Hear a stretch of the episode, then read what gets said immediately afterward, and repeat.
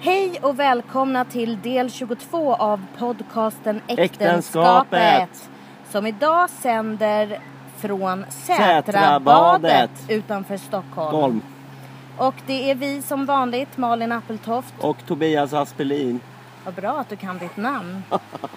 Vi ber om ursäkt för att vi har varit så sena med att lägga ut ytterligare ett avsnitt. Förlåt.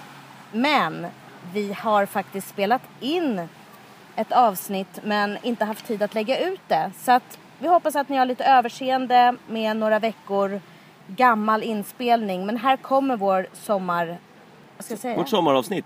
Vårt sommaravsnitt. Och sen kommer vi tillbaka till modern tid när vi sitter idag. Bra. Mycket nöje. Hej.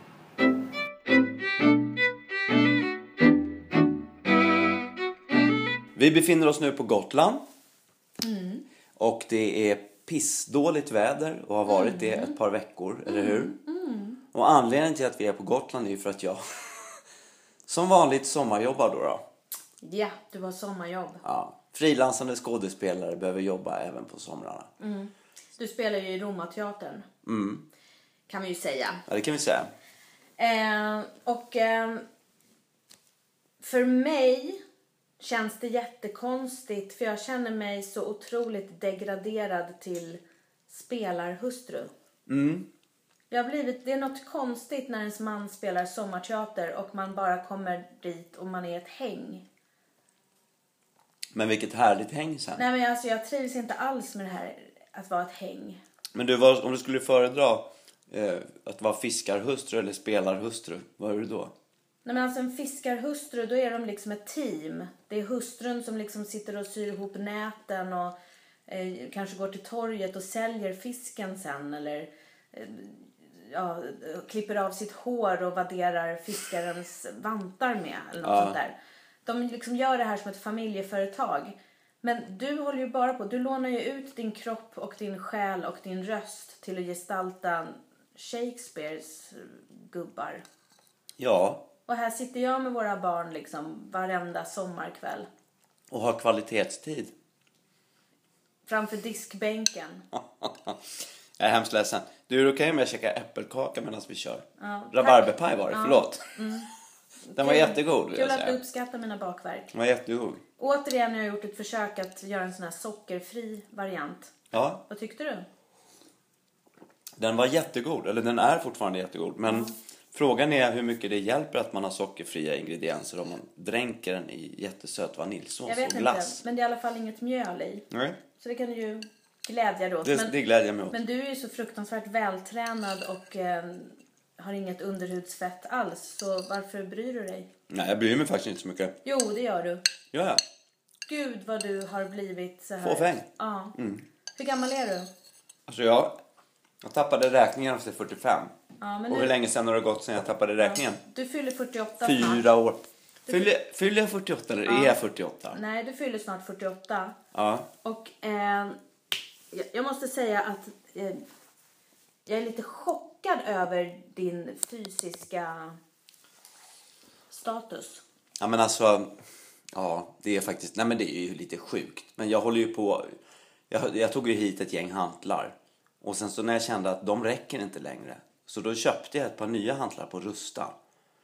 Så att jag har hållit på här och tränat faktiskt. Så vi har eh, dubbel uppsättning hantlar. Ja.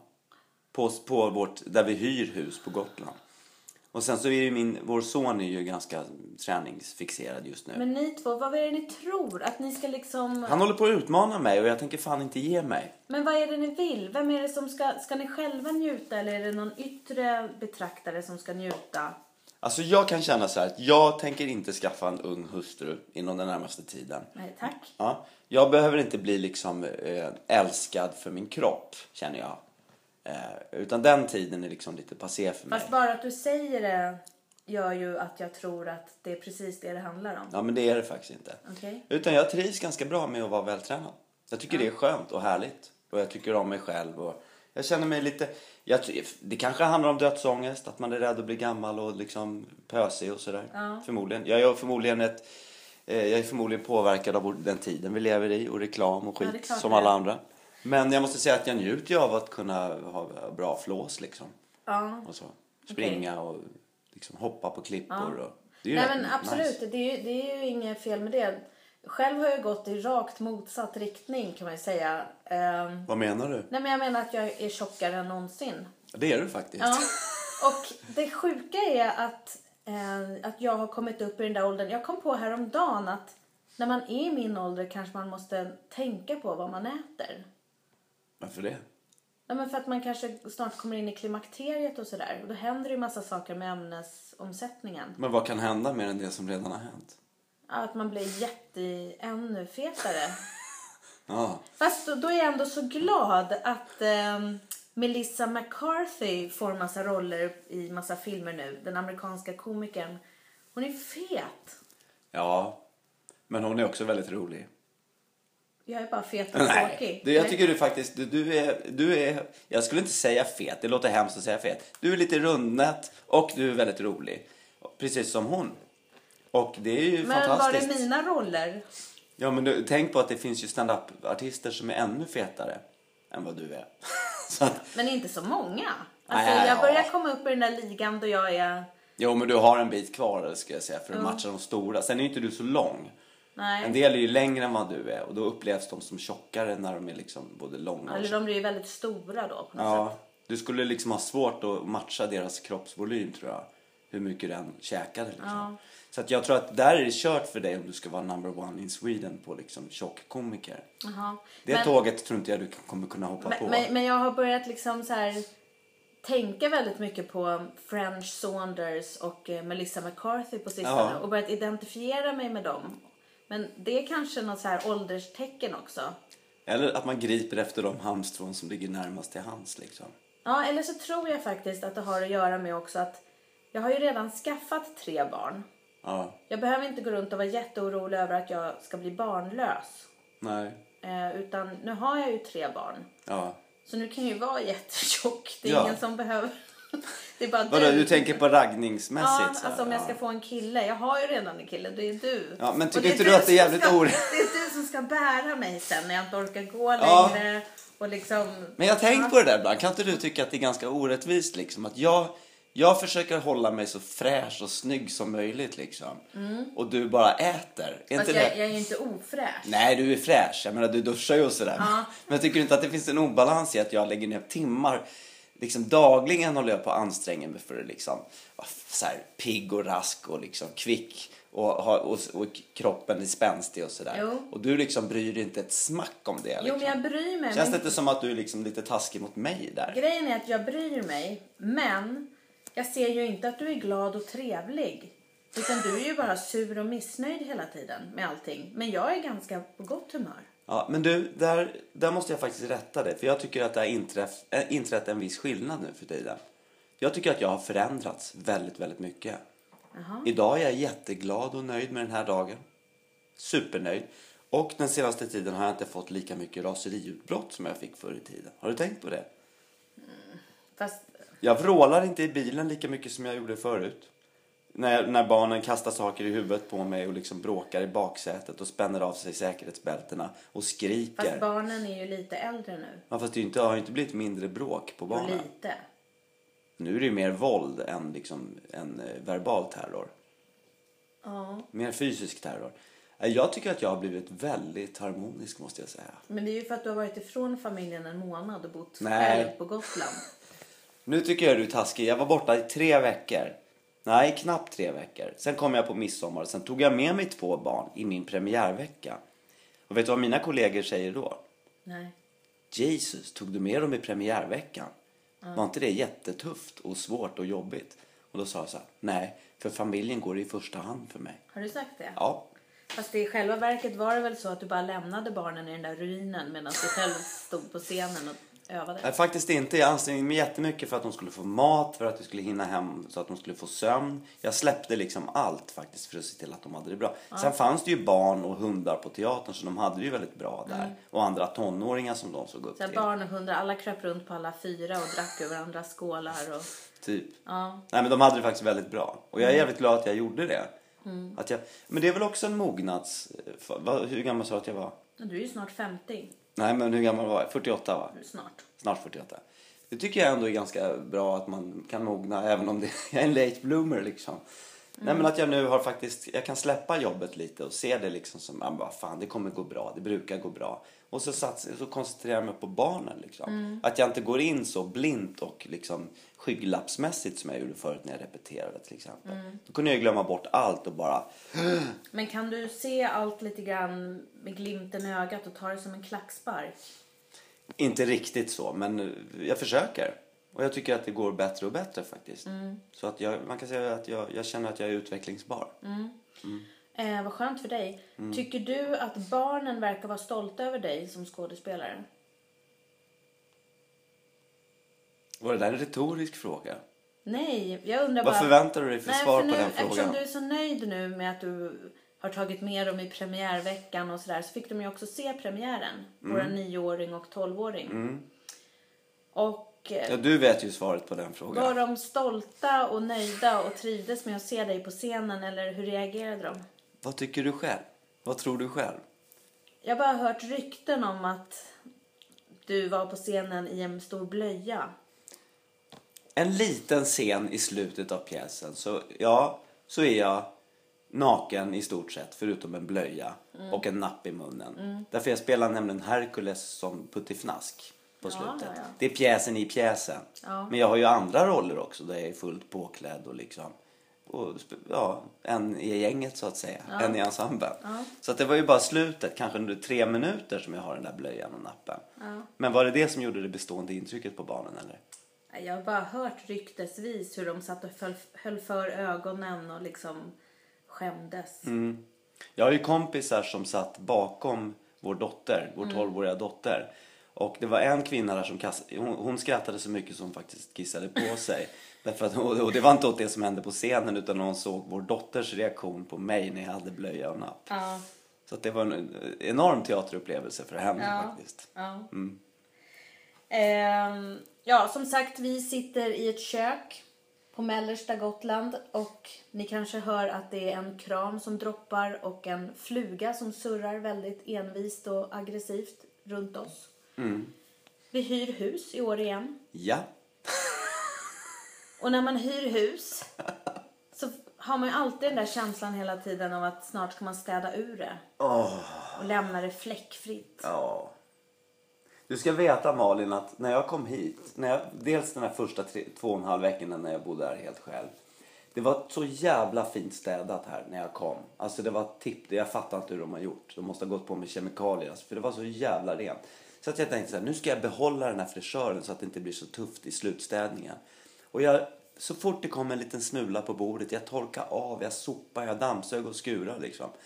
Och så, och så fortsatte jag faktiskt när de två barnen var här med mig i premiärveckan. Men sen, ja, man är ju tvungen att släppa det. Det funkar ju inte. Det blir ju liksom sjukt. Men, men så att nu är det som vanligt liksom. Det är stökigt och hej kom bacon igen. Och jag kommer få stå med slutstädningen när har åkt. Och jag tänker på det varje dag. Det blir liksom, det är det som är så jobbigt med att hyra. Att man tänker, varje gång man hyr så känner man kan inte njuta riktigt för man vet att fy fan vad jobbigt det kommer bli att städa ut. Men så är det, så ser vårt liv ut. Eller hur? Ja. Är bara bita i det sura äpplet. Du vill ju ha ett hus.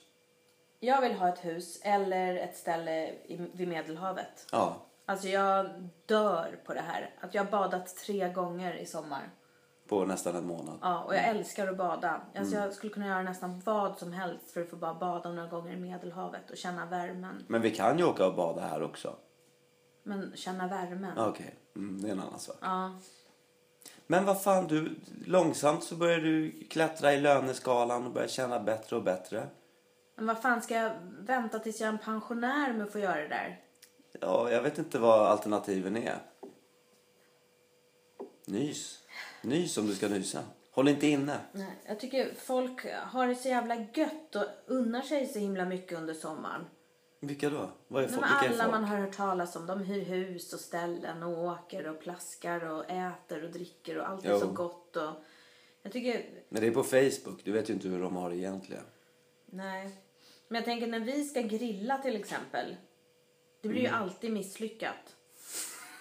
Och ursäkta att jag säger det, men du är ju jättedålig på att grilla. Ja, jag har märkt det. I och för sig, du är ju inte bra på att laga mat överhuvudtaget. Men många är ju ändå bra på att kanske grilla och liksom går in för det och intresserar sig och liksom. Men, Ja. Men jag tror så här att, jag vet inte vad som skulle till för att jag skulle börja liksom gå på olika så här whiskykål och kokosbriketter och Per Morbergs grilloljor. Eller de kanske till, till, och med tillverkar egna grilloljor och marinader och sådär. I don't know. Det har aldrig legat mig varmt om hjärtat, det intresset liksom. Plus att de där jävla grillarna, det är ju ett helvete att rengöra dem. När vi har hyrt ställen och så ska man rengöra en grill, då kommer det in ett stort jävla sånt galler. Så ska man försöka få det sådär silvrigt som det var från början. Och så stöter man i diskbänken så den blir alldeles repig liksom. Så det slutar med att man förstör hela jävla köket för att man ska städa den här grillen. Va? Ja, har du aldrig varit med? Du Nej. har ju aldrig städat en Jo, grill det efteråt. har jag.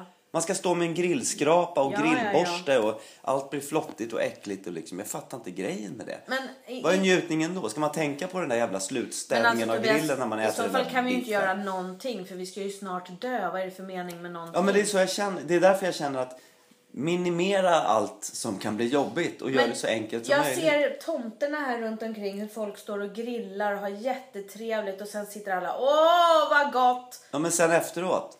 Någon jävel ska ju stå och skrubba den där till liksom midnatt den där Ja men jävla det grillen. tänker de inte på just då. De har trevligt i stunden. Så du, du menar att de ut, utövar medveten närvaro när de står där och ska städa Men grillen? de njuter av nuet. Ja, men eh, om eh, sennet blir skitvidrigt så kan man inte njuta av nuet. Men vad är det som gör att du inte kan grilla mat? Ja men det är ju samma. De, de går ju upp sju på morgonen och drar igång sina jävla gräsklippare. Det är ju samma grej. Det är ju skitnördigt. Men det är bara för att du inte äger någon Ja. gräsmatta. Men jag skulle inte vilja. Jag skulle inte vilja ställa, ska man ställa väckarklockan för att man ska gå upp och klippa gräs varannan dag? Liksom? Nej, Fattar nej. du hur det växer här Men, i men jag vill ändå juni? komma tillbaka till det här med att grilla mat till sin familj. Ja, Okej, jag kan inte grilla. Nej. Varför kan du inte det? För jag har aldrig lärt mig det. Jag aldrig, jag, vi grillade ju aldrig när jag var liten. Det måste ni väl ha gjort? Nej, aldrig att vi grillade. Men har du aldrig varit med och att någon har stått och grillat och du har liksom varit inbjuden Någon och har hjälpt stått, till du lite? vet, jag, jag har stått bredvid svettiga karar med uppkavlade armar eller barbröstade som har stått och droppat svett över grillen och känt sig så jävla coola. Ta en bärs så kan vi snacka lite. Och så står de med någon sån här svindyr stekspade och liksom trillar biffar liksom på rad och lägger upp och det ska vara temperatur och de har gasolgrillar. It's not for me. Jag tycker det är skittråkigt. Och de står och skryter liksom. Det är som att jämföra kukar. Jag tycker det är fruktansvärt. Men oj vad det händer Ja, men det är- det det är här ju var så. en känslig... Ja men det är ju så. Punkt. Det är ju så. Det är ju som tjejer och, eller så tonårstjejer och smink liksom. Det är ju helt pubertalt tycker Men jag. det hålla på sitter ju så folk där ute och är hungriga och väntar på maten. Ja men då kan man väl fixa annat. Man kan väl göra en god kall sallad liksom. Eller någonting. Men, men om, om Det någon... luktar för jävligt. Alla luktar rök. Det är inte miljövänligt. Och den här grillen ska städas. Det är det. Men erkänn att du faktiskt har njutit när folk har gjort något riktigt gott grillat och du har suttit ute i kvällssolen. Om det bjuds så. Nej men vet du vad? Jag ska tala för dig. När vi var små, då hade vi ett Trangia-kök. Och sen så lagade man någon slags soppa på det eller någonting. Man kokade lite potatis och så hade man en kylväska med lite kanske en nyponsoppa eller någonting och knäckebröd liksom. Och det var urfestligt. Eller så köpte man fisk av, eh, man åkte förbi någon fiskare liksom som man bara stekte på lite snabbt. Eller folie i öppen eld. Och så njöt man av kvällssolen. Och det var nästan gratis. Det bästa i livet är gratis Malin. Och vet du? Men folie, vi kan ha folie i grillen Ja. också. Sen gick man ner till havsbrynet och sen så diskade man med eh, tång och sjögräs. Och det, det var så fräscht va? och miljövänligt. Men alltså det låter som att du kommer från 1700-talet. liksom. 70-talet. Ja.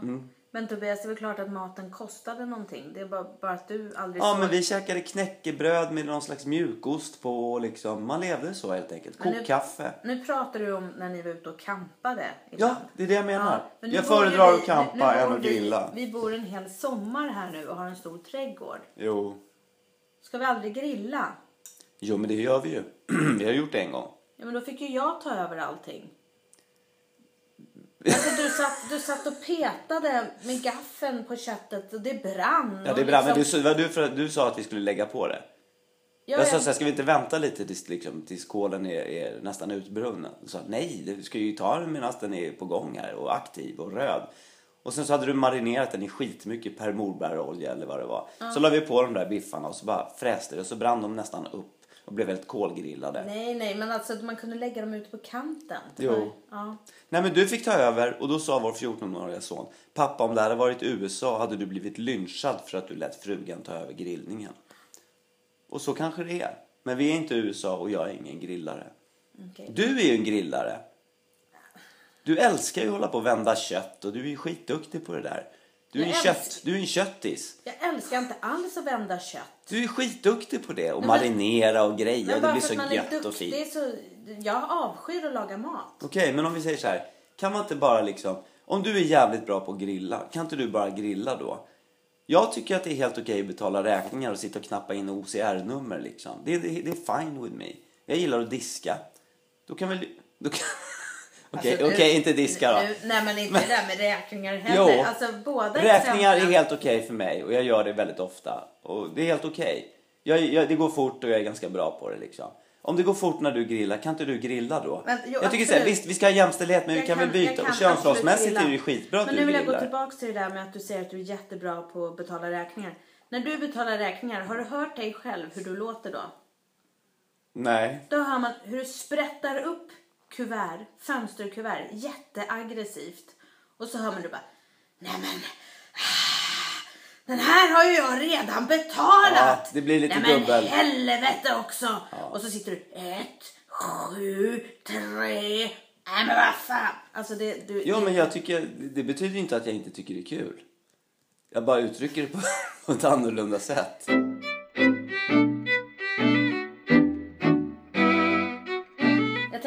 Tillbaka till det här med att du spelar teater. Jaha. Du är ju skådespelare. Ja, Malin. Och eh, när du och jag hade träffats för 17 år sedan Mhm. så eh, berättade jag för min farmor att jag hade träffat en man som jobbade som skådespelare. Mm. Och då trodde jag att hon skulle säga så här, nej men oh vad tjusigt, är han på Dramaten? Eller något sånt där. Men hon blev bara så här, oh nej, usch Malin, då vet du aldrig vilka roller han spelar. Nej. Och grejen är att hon hade så rätt. Hur menar du? Vad menar du med det? Precis. Va?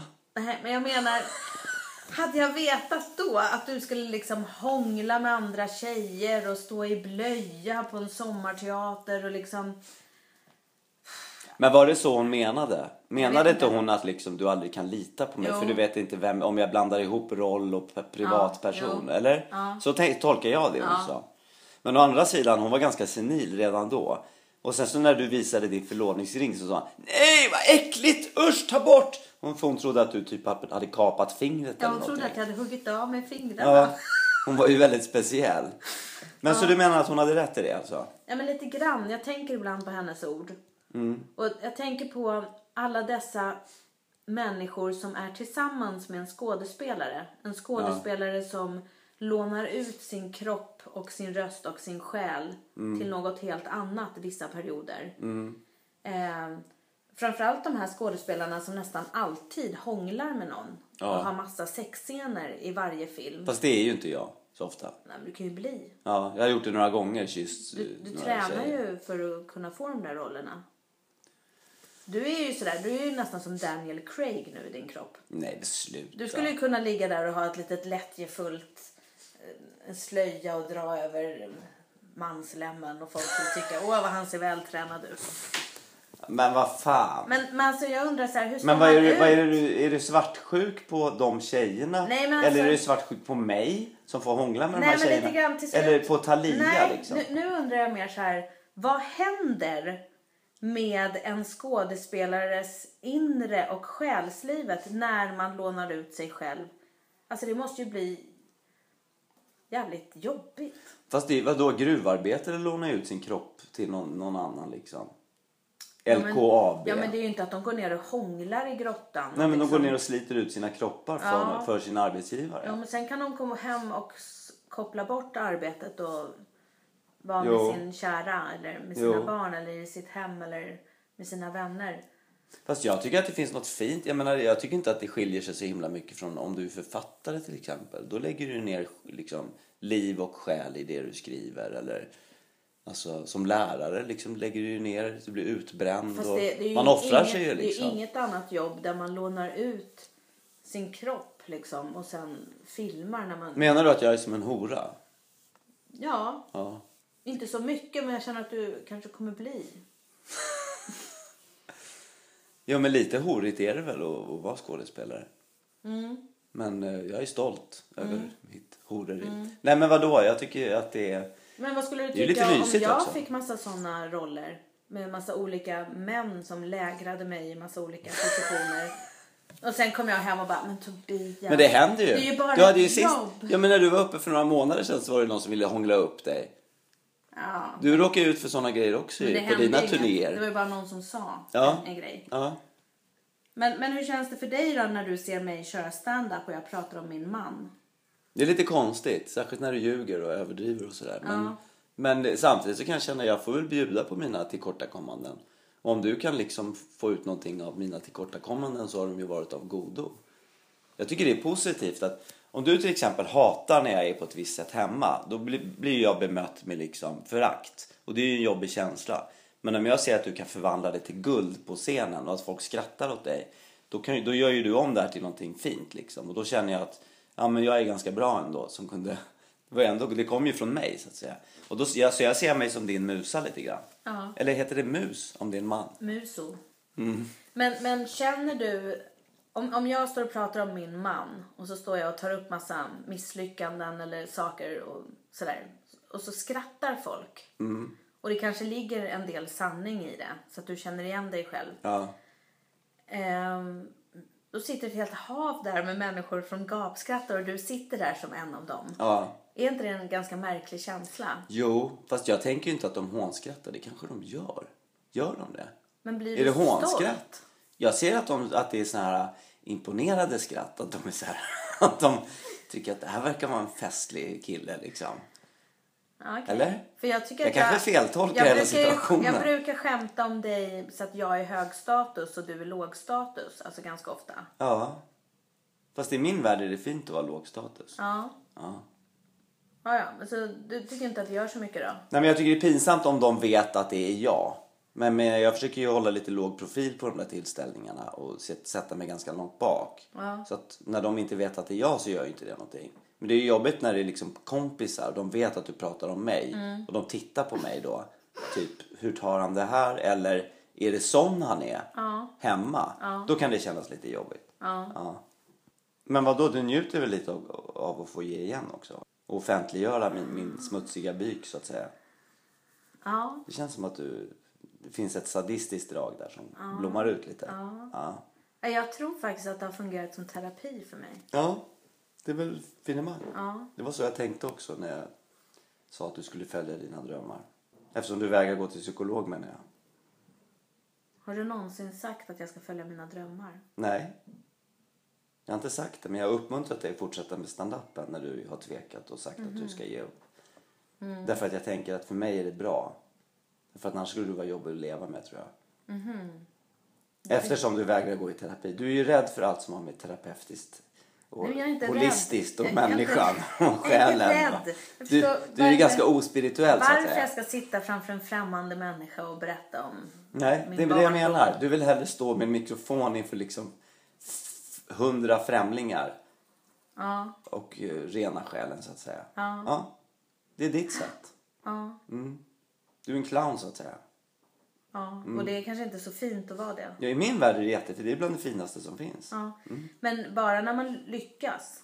När man Nej, misslyckas det är nästan clown. ännu finare att misslyckas. För då finns det en jättestark tragedi i botten. Men att man ändå gör det. Förnedring är jättefint i min värld. Mhm. Ja. Tycker du att jag lever i förnedring? Nej, det säger jag inte. Men jag menar, man kan ju säga att start, alltså man kan säga att jag tycker det, börjar, det går ju bättre och bättre. Och nu börjar det faktiskt få betalgig. Och folk som ofta säger så här, fan du var bäst ikväll och så. Det händer ju faktiskt nästan jämt när du kör. Och då menar jag att eh, du är ju på väg någonstans liksom. Det är ju inte så att det går ner, det är inte så att du blir sämre och sämre varje gång du giggar. Utan det blir ju bättre och bättre. Och då menar jag att men jag menar att hade du tjänat massor med pengar och det hade varit en räkmacka så tycker inte jag att det hade varit lika. Jag tycker att kampen är jätteviktig liksom. Att man kämpar och strävar. Det är det, är det som är konst tycker jag. Att man slåss mot alla element liksom. Ibland slåss man mot väderkvarnar. Men att man står kvar då i den där stormen och inte ger upp därför att man följer sitt hjärtas liksom kall. Det tycker jag är jättefint. Men är inte det lite dumt också? Jo, urdumt. Urdumt, men fint. För jag vill bara en dementera det där du sa att folk kommer fram och säger att jag var bäst ikväll. Det händer ibland. Det Ja, men det händer ibland Ja. och liksom... Men jag vill bara säga att när jag är förkomiker till Johan Rheborg så... Så händer det kanske inte. Nej. Nej. Så bara så att Ja, jag vill nej inte men visst, du ska inte förhäva dig nu Nej. och du vill eh, inte eh, slåss med någon i branschen. Och, Nej. Men eh, jag menar bara att det går bättre och bättre och jag, nu när jag ser dig så tycker jag att du är stenbra på scen, skitbra och fullkomligt avslappnad och har en otrolig publikkontakt. Liksom. Mm. Så att jag ser ju att, du, du, att det går framåt. Och en vacker dag så, ja, så kanske du har betalat tillbaka alla utlägg du har haft. Mm. och kanske kan komma hem med pengar också. Det vore ju kul såklart. Men jag tycker inte att det är liksom huvudsyftet. Det är väl inte därför man håller på. För att tjäna pengar. Nej. Det är väl inte så man tänker när man börjar med någonting kre- kreativt liksom. Eller konstnärligt eller så. Nej. Att man ska bli miljonär. Då skulle man ju hålla på med någonting annat kan jag tänka mig. Fast man tänker ju att man skulle vilja få lön för sitt jobb. Jo, absolut. Men alla de stunder av tvekan liksom, och självtvivel och så, de är ju otroligt lärorika. Faktiskt. Det är som en skrivprocess. Varje gång man stöter på ett hinder och tv- tvingas liksom retirera och vrida och vända och kanske det tar, ett- det kan ta två år innan man kommer på en lösning med ett manus till exempel. Kanske ett annat manus som man kan liksom baka in i det här och helt plötsligt har man har det löst hela liksom kärnan på problemet. Och så är det ju med skämt också. Vissa skämt som inte funkar, sen två år senare så får du en eureka-upplevelse, eller hur? Absolut. Mm. Det tar ju tid att liksom förädla va- vad det än är man håller på med. Jag tror allt, allting som är bra tar ofta tid. Sen kan det vara såna här grejer som bara kommer av en slump också. Att snubbla på någonting roligt liksom. Som också är guld. Men det är ju ganska sällsynt.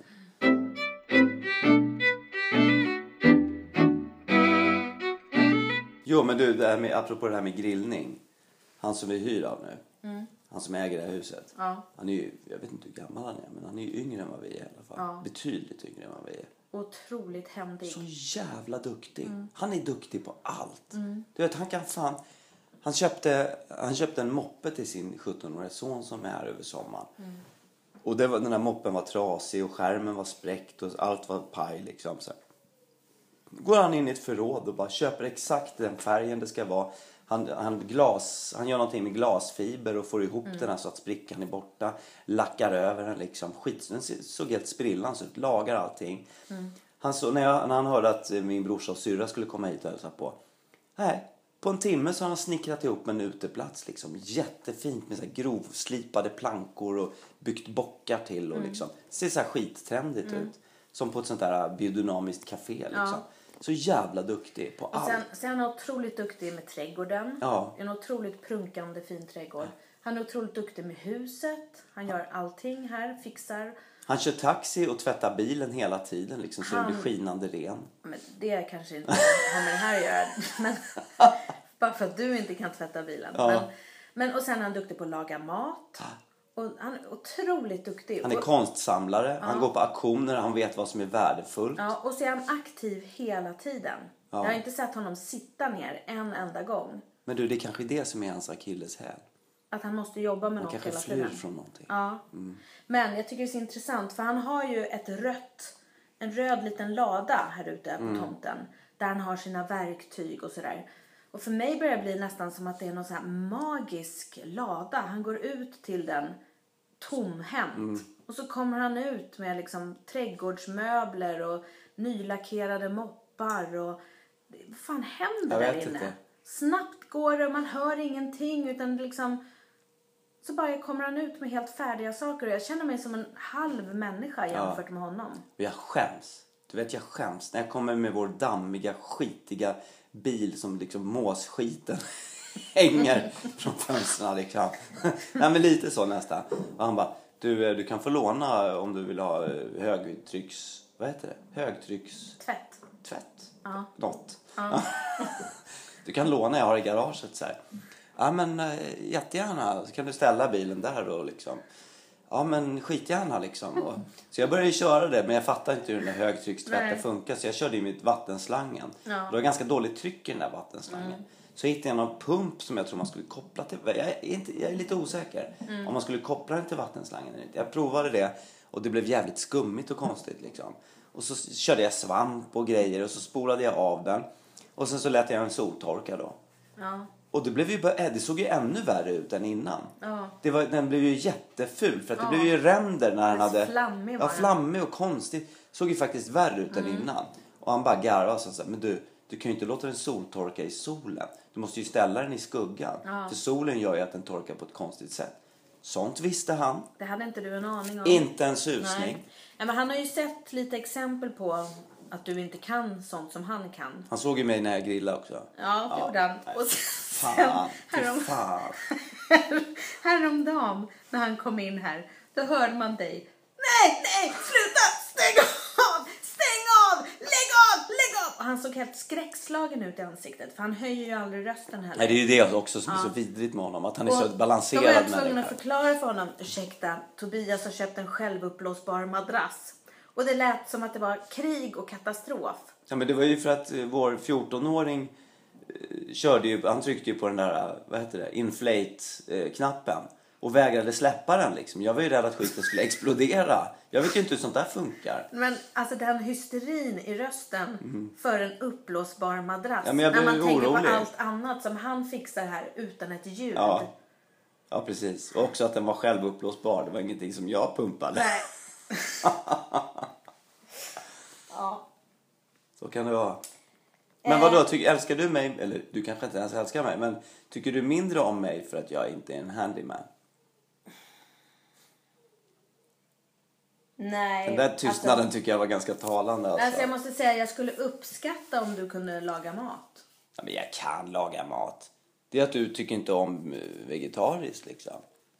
Du uppskattar ju inte riktigt mina Tobias, maträtter hur- hur men jag kan- tycker inte det har Hur med... kan du säga att du kan laga mat? Jag kan ju röra till vad som helst med få ingredienser. Men just Och... att du rör ihop vad som helst till äckliga Ja, men det är väl att laga mat. sörjor.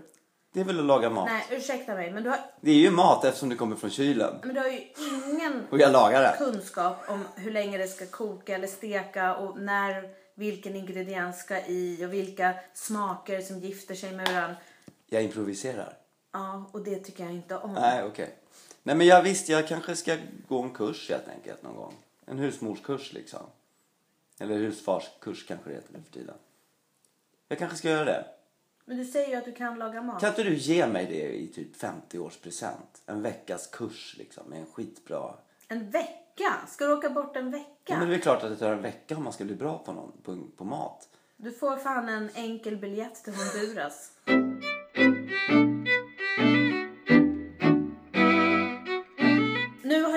Övningskört i så många år så att övningskörningsskylten har gått sönder. Den har gått mitt i tu. Ja. Så häromdagen när jag satte upp den och försökte foga ihop delarna så hamnade den fel. Så jag åkte runt en hel dag och det stod skör övning på bilen. Men jag känner att det är nära nu. Mm.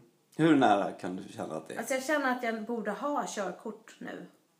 Jo, men det är mycket man borde. Alltså, det händer ju vissa saker ibland som inte blir så bra och där du blir jättearg. Kan du nämna ett exempel? Ehm, alltså jag tycker att det har gått bra men Det där när du får motorstopp hela tiden. När man står i en korsning ja det är lite jobbigt men jag blir inte så stressad. Det är ju mest du. Ja, men det är ju folk bakom som kanske Ja. tycker att det är jobbigt. Ja, men som häromdagen när jag skulle ut från Ica och det lutade lite och jag skulle backa och jag hittade inte riktigt dragläget. Nej, för, för, Först, först fick, du inte- fick du inte i backen. Utan det där... För att du inte hade lagt i en växel. Jaha, ja, ja. Ja. Men, men istället för att då vara en lugn körskollärare som du ska vara för mig. Mm. Så gick du ur bilen och ställde dig flera meter bort och skrek över hela Ica. Vad gör du? Vad gör du med bilen? Stod du och skrek. Och då kände jag så här, men herregud, det här är ju liksom, vi är ju till åtlöje för allmänheten. Ja, men vet du vad? Jag, jag måste säga att jag tycker att du inte har någon känsla för liksom materiella saker. Du, du liksom... Du värdesätter inte, du värdesätter inte vår bil. Om du kan behandla den på det sättet. Och det spelar ingen roll hur man, alltså om man är duktig eller, eller, eller dålig på att köra bil. Man kan inte behandla föremål på det sättet. Det är ju som att du, det är som att du skulle sparka dina barn i, i könet liksom. Nej men gud, hur kan du jämföra det med det? Ja, men jag, jag tycker det. Men du pratar, nu Det är som att du misshandlar ett barn. ting. Ja men bilen är ju en, en del i familjen liksom. Gud, alltså det är Jag inte alls miss- som att misshandla ett barn. Om du misshandlar vår bil, vad skulle vi göra utan vår bil? Men vad gjorde jag? Jag to- tog inte i, jag var inte hetsig. Det var bara liksom att jag hade lite svårt. Nej men du känner inte när du har lagt i en växel Men eller hur inte. kan man känna det? Men vad fan, Med det är klart man känner det. det känner, du vet ju ett, du har ju, hur många hade- år har du övningskört Malin? Fyra. Jag Fyra år, hur lite- kan man inte veta var liksom backen sitter? Jag hade lite problem med dragläget. Nej, vet du vad du gör? När du kopplar så trycker du inte ner foten ordentligt. Nähä. Du rycker i växlarna. De går ju per automatik. De går ju på något jävla kullager eller vad det är. De, de är ju med, de, det finns ju räfflor i, växel, i växeln som gör att de går i ettan, tvåan och så trean där. Du försöker liksom trycka i den diagonalt åt ett annat håll liksom.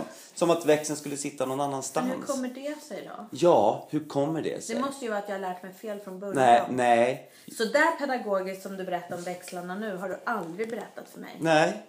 Jag kanske skulle jämföra det liksom med människor lite oftare. Jag kanske skulle Jämför undervisa dig på ett Waldorf-sätt. Du jämförde med kullager Ja, ja, och liksom okej. fint räfflat och... Ja, okej.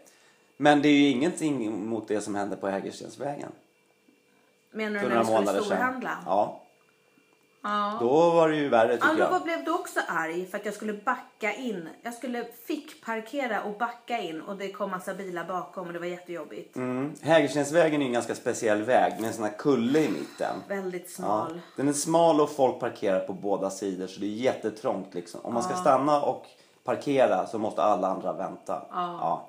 Annars blockerar man liksom hela jävla Ja. vägen. Och du är väldigt otydlig med att visa hur man ska svänga om det är höger eller vänster. Ja, du svänger med händerna, du flaxar med händerna och säger du så gör du så här och man ser inte Vet du vad? åt vilket håll Om, flaxar om man ska backa in till en liten ficka som är, på sam, Ja. i samma, liksom, som är bredvid där man står. Ja. Då åker man ju fram först, eller hur? Ja, det hade och, jag sen så, och sen så måste man ju svänga då för att stjärten på bilen ska liksom komma in rätt Yes. framför bilen som Ja. är bakom då va, Ja. i den där luckan. Ja, ja.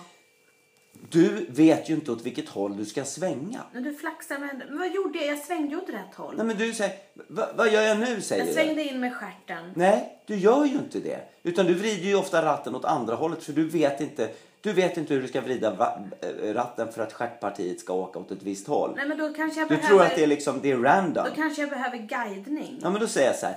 Nu svänger du så här och Ja, så visar jag med händerna. Nu svänger du med händerna helt Nej men jag drar, i, i jag drar ju händerna åt ett visst håll.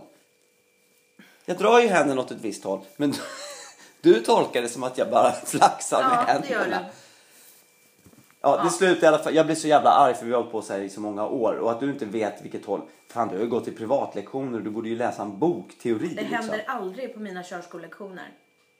Men om du ska ta en kaffekopp som är rakt framifrån, Mm. eh, rakt framför dig. Då sträcker du inte ut eh, höger arm mot sidan. Nej. Du tar ju höger arm rakt framför du vet att koppen är där. Ja. Och det är ju samma sak om du ska fickparkera. Vet du att du ska in där, då måste du ju svänga ratten åt andra hållet.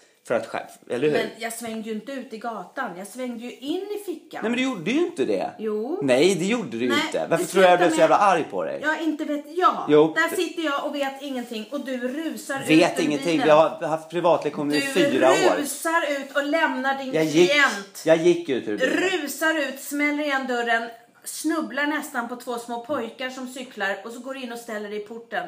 Och där Nej, jag sa att sitter nu jag. får du klara dig själv sa jag. Och där sitter jag. Ja. Och de här små pojkarna på sina små cyklar tittar och undrar vad är det här för galna vuxna människor som inte kan kommunicera och samarbeta. Ja. Ja, då tänkte jag, din jävel. Så gick jag också ut Så ur tänkte bilen. jag om dig också. Ja. Din jävel tänkte Ja. jag. Så jag gick ut. Ja. Jag lämnade bilen. Ja, och den jag tänkte, stod- den nu, stod- Nu, nu ska han få. Den stod på tvärsen över hela Ja, det gjorde Hägerstensvägen. den. Och jag tänkte, nu ska han få. Jag lämnar bilen Ja. nu. Och visst blev du förvånad? Ja, Du blev lite chockad. jag blev chockad. Men vet du vad jag gjorde sen? Ja, du drog ju hem. Jag åkte därifrån i vredesmod. Jag gick in på Netto och började storhandla. Ja. Och jag gick hem och möttes av vår 12-åriga dotter i hallen. Och så berättade jag för henne vad som hade hänt. För jag mådde dåligt. Jag tyckte det var en jobbig eh, erfarenhet. För jag tänkte så här, nu får han fick parkera och sen får han komma in och hjälpa till och storhandla. Ja, men jag var så arg på det så jag tänkte jag lämnar henne nu. Tunga matkassar. Så får hon se man, hur man klarar sig utan en bil. Eftersom hon vägrar ta körkort. Ja. Men eh, min 12-åriga dotter talade mig till rätta och sa skäms. 12-åriga Nej, vår. Okej, Ja. vår. Och då sa hon skäms pappa. Så där gör man inte. Nu åker du ögonen böj tillbaka och hämtar mamma i affären. Mm. Eh, och det gjorde jag. Och när jag kom tillbaka till affären så märkte ju du inte ens att jag hade åkt därifrån och varit borta. Så att eh, det slutade ju bra ändå. Eller jag, jo, du ringde ju. Ja, det gjorde jag. Ja, Just det. så att jag förstod ju att du hade varit hemma. Ja. Men det var en fin erfarenhet. Tycker du det? Ja, nu i efterhand. Vi kunde ju skratta åt det efteråt. Ja. Eller?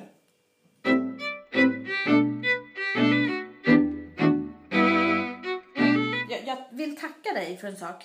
Jag vill tacka livet Jag vill tacka Tobias som har gett dig så mycket. som har köpt läsglasögon Ja, i men vad tre fan! pack från Clas Ohlson. Ska du dra upp det där Ja, nu? men det, det tycker jag är så roligt. Jag har ju sett dåligt i flera år och börjat med läsglasögon.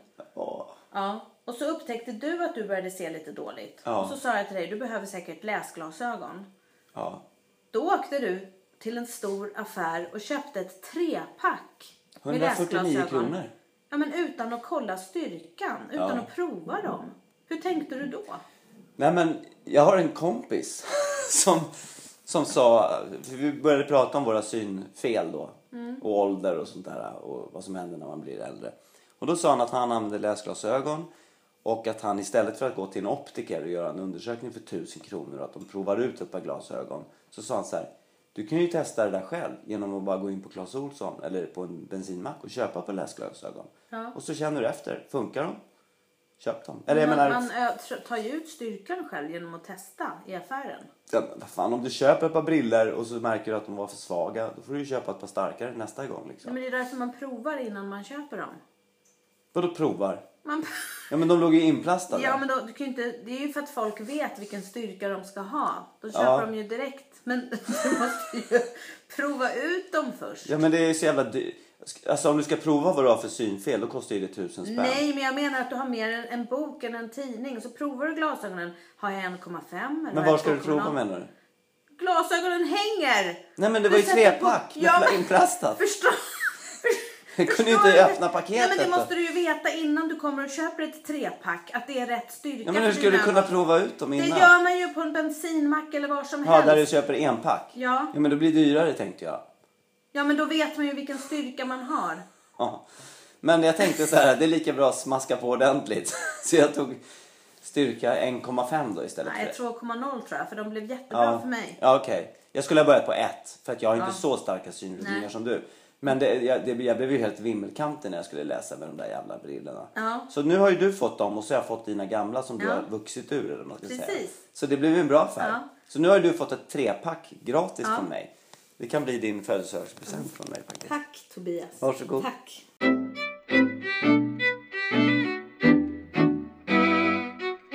Eh, förutom eh, synen så är det ju annat som eh, visar att man åldras. Ja, och får jag apropå det bara säga vad min kompis sa när vi pratade om åldrande. Jaha. Därför att han är nyskild. Mm. Ja. Och då sa han så här, för vi sågs på Pelikan, Mm. tog en öl. Eh, och så frågade jag så här lite medlidsamt, du, hur, hur mår du egentligen liksom, nu när du är nyskild och allting? Är det liksom jobbigt eller så? Nej, det är helt fantastiskt. Du vet inte. Han har börjat nätdejta. Jaha. Du fattar inte. Det är som ett smörgåsbord där ute. Det är som en jävla buffé med singelkvinnor alltså i Stockholms innerstad. Och han var så jävla glad. Och han sa också att det var så skönt att skippa tramset och snacket och vem man var och vad man har gjort innan och presentation för föräldrar och sådär. Utan det är bara pang på rödbetan. Sex kanske ibland. Men också så att gå in på livets väsentligheter. Men hur kan man gå in på livets väsentligheter om man inte har bakgrunden?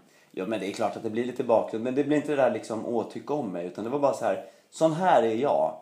Like it or not liksom. Och, och gillar man det inte så går man vidare till nästa. Det är inte det där liksom att man ska försöka synka in varandra. Känner man att det är fel, För han hade varit på massa sådana där man kände att det var fel. Mm. Att, att de inte klickade. Då bara avslutar de innan de hade beställt mat för annars blir det så dyrt också. Om Man ska liksom sitta och Mm. Hur genomlida en jävla Hur middag. säger man då?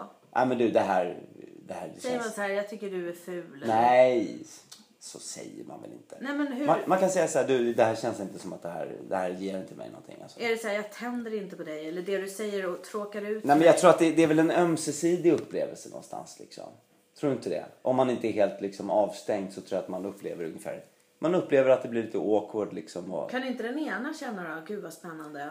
jo, så kan det väl kanske Och så vara. säger den andra, det är inte ens någon idé att vi beställer. Jo, så kan det säkert vara att någon blir sårad. Men jag tror de flesta som är inne på den där köttmarknaden, om man ska säga. Eh, de vet ju någonstans också vad, vad, vad priset är, eller liksom vad premisserna är när man går in i det. Sådär. Och det är ju jävligt dumt att börja dejta. Om man har levt och, fått barn med någon och, och spenderat 20 år med någon liksom. Och sen så skiljer man sig från den och alla saker och det kan vara hus och lägenheter och fritidshus och familjerelationer. Då är det ju jävligt dumt att börja ett nytt liksom med, med någon som det kommer som man känner att det inte är bra med. Ja, ja. Det ska nej, ju nej. funka då fan liksom. Ja, det är man ska göra ett nytt försök, en andra chans i livet liksom. Ja. Men det, lät, jag tyck, det som jag började tänka på när det gäller det där. Det är liksom att jag kan tycka så här vi i vår tvåsamhet, alltså nu pratar jag generellt liksom Mm. om kärnfamiljen. Att vi tror att den andra ska uppfylla allt i livet. Mm. Vi ska liksom, den andra ska representera allt för oss. Det ska vara liksom sexlivet, det ska vara en själsfrände, man ska kunna diskutera allt, man ska växa och Man ska utvecklas dela alla tillsammans. fritidsintressen. Ja, och man ska uppfostra barnen på samma sätt och bla bla bla. Det är så jävla mycket som man ska stå för. Och det kan man ju inte. Så det är inte så konstigt, om man, om man tror att det är så, så är det inte så konstigt att man blir besviken förr eller senare. Och känner att det här, du, det här räcker fan inte. Jag behöver mina innebandykompisar eller jag behöver någon annan som jag promenerar i, i, i fjällen med eller liksom. Och jag har ju upptäckt att den här familjen som vi har inte tycker om mina fritidsintressen till exempel. Och en del, inte Jo, alla. Mm. men väldigt många som ni inte tycker om också som, jag, som jag skulle vilja göra. Du gillar ju grilla, det gör inte jag. Bara en sån grej liksom. Mm. Då borde ju egentligen, det idealet skulle ju vara att du skaffar en grillkompis. Eller hur? Eller att jag skaffar en kompis man som gillar att grilla. Varför måste Kan vara en man? Nej, Faktiskt, Nej, nu är du jättekonstig. Ja, Ska ja. Mm. du grilla och ha liksom umgänge sexuellt eller? Nej varför säger, pratar du om sex? Ja, men varför måste det vara en man till grillen? Nej, nej, det behöver det inte. Nu var du Jag jättekonstig. tänkte att man bara bytte från någon annan. Ja, men det kan ju vara en, en tjejkompis som gillar att grilla. Absolut. Ja. Jag har många tjejkompisar som är jättebra på att grilla. Ja, Mm. ja perfekt. Då kan ni ha grillkvällar ihop och så kan jag träffa någon oavsett kön som tycker om att fjällvandra. Ja. Som tycker om att vandra. Eller Men hur? Tobias, jag vet vart du vill komma Ja. och, och jag håller med dig. Eh, man kan inte vara allt för varandra. Man behöver sina vänner och sådär. Man behöver få utlopp för sina olika saker på Mm. Ja. olika håll och man behöver växa och utvecklas och allt sånt där. Men eh, jag håller inte med om att jag inte tycker om att fjällvandra. Men Men vad menar du? Nej, du har ju aldrig nu. ställt upp och du har aldrig Nej, gjort det. nej, Vi har varit därför- ihop i ja. fan 20 år. Ja, Hur kan du nu. säga att det inte stämmer? lyssna nu. Jag älskar att fjällvandra. men Inte med mig. Jag tycker inte om eh, Mig. förutsättningarna. Med mig. Nej. För att du är så hetsig och det är så ont om tid och man blir så stressig och det hänger ofta ihop med att man ammar och har skavsår och det är så mycket runt omkring. Ammar, det var väl länge sedan du men, ammade? jo, men det är min känsla. Att jag ammar och har skavsår. Men du och att det är ammar ju tungt, inte. Att jag inte har eh, sovit på länge. Fast och du att jag ammar ju inte, Malin. i myggen och med bära grejer. Och att du går 50 meter framför och visslar och pratar i mobiltelefon med någon annan. Sluta, det gör jag väl inte när vi fjäll... Det är min känsla. Men jag lovar dig, jag älskar att fjällvandra och jag kommer göra det snart. Du är ju så förljugen så det finns ju Eh, inte. Nej, men jag kommer göra det. Nu jag har du ju vänt på men det jag jättekonstigt. vill att vi ska göra det på bådas premisser. Att vi tillsammans ska sitta och titta. Var vill vi gå någonstans? Hur ska vi ha det? När? Och att inte du kommer. Nu har jag tänkt! Du tar ett rep, du tar ett spö, nu ska vi ha mysigt, bara knäckebröd vi ska lida. Då Får jag säga en sak? Om du går omkring med en känsla av att du ammar. Då är det väl inte så konstigt liksom att, du, att det är svårt att fjällvandra tillsammans liksom. Oj, nu läcker det mjölk här igen. Jag måste pausa eller vad då? Nej. Får jag säga en sak jag med säger dig? bara att det är den känslan jag får. Att jag är helt invaderad. Okej, Mm. nu ska jag bevis nummer ett. Ja. När jag har sagt så här, kan vi inte sticka iväg på en tur nu när vi har varit... Vi har ju Ah, varit... vänta, vänta. Tyst! Du, du hör lite vilken ton du fick. Och jag ser i din blick. Det blev den där hårda, elaka Okej, Tobias. okej. Ja. Zup. Hej Malin.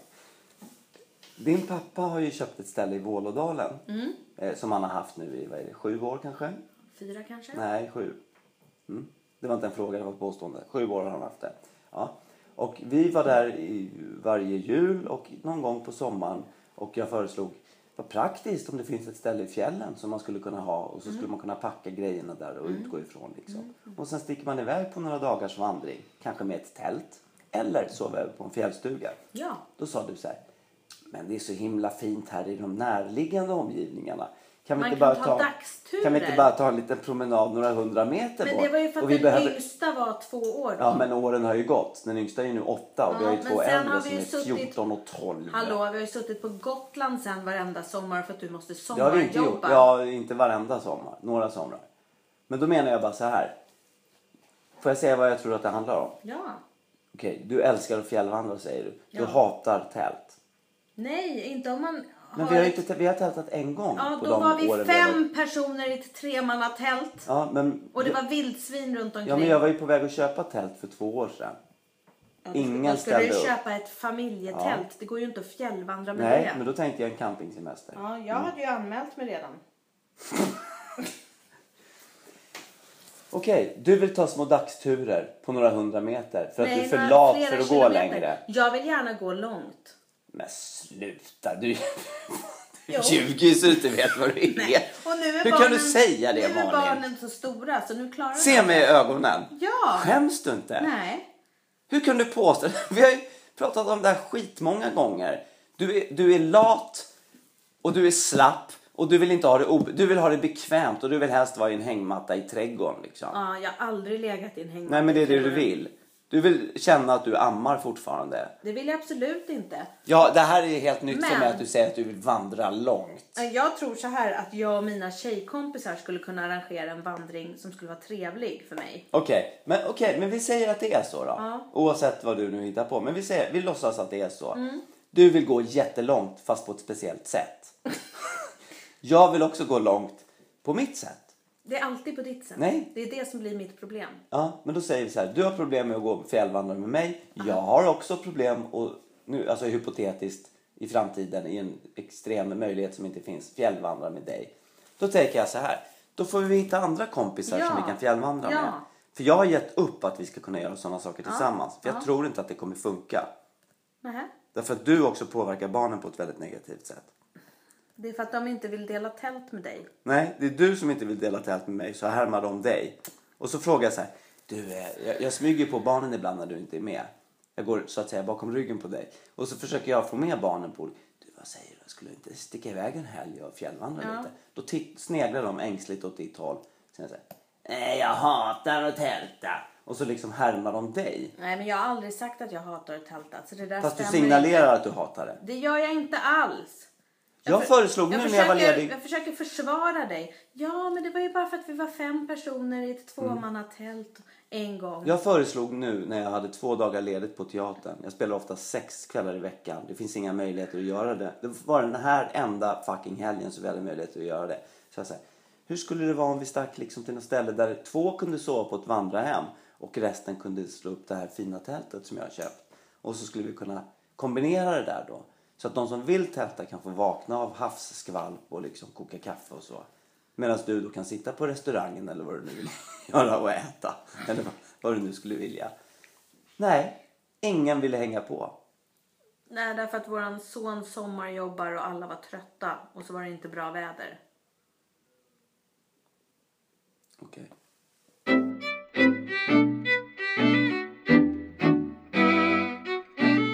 En sak som jag undrar väldigt mycket över.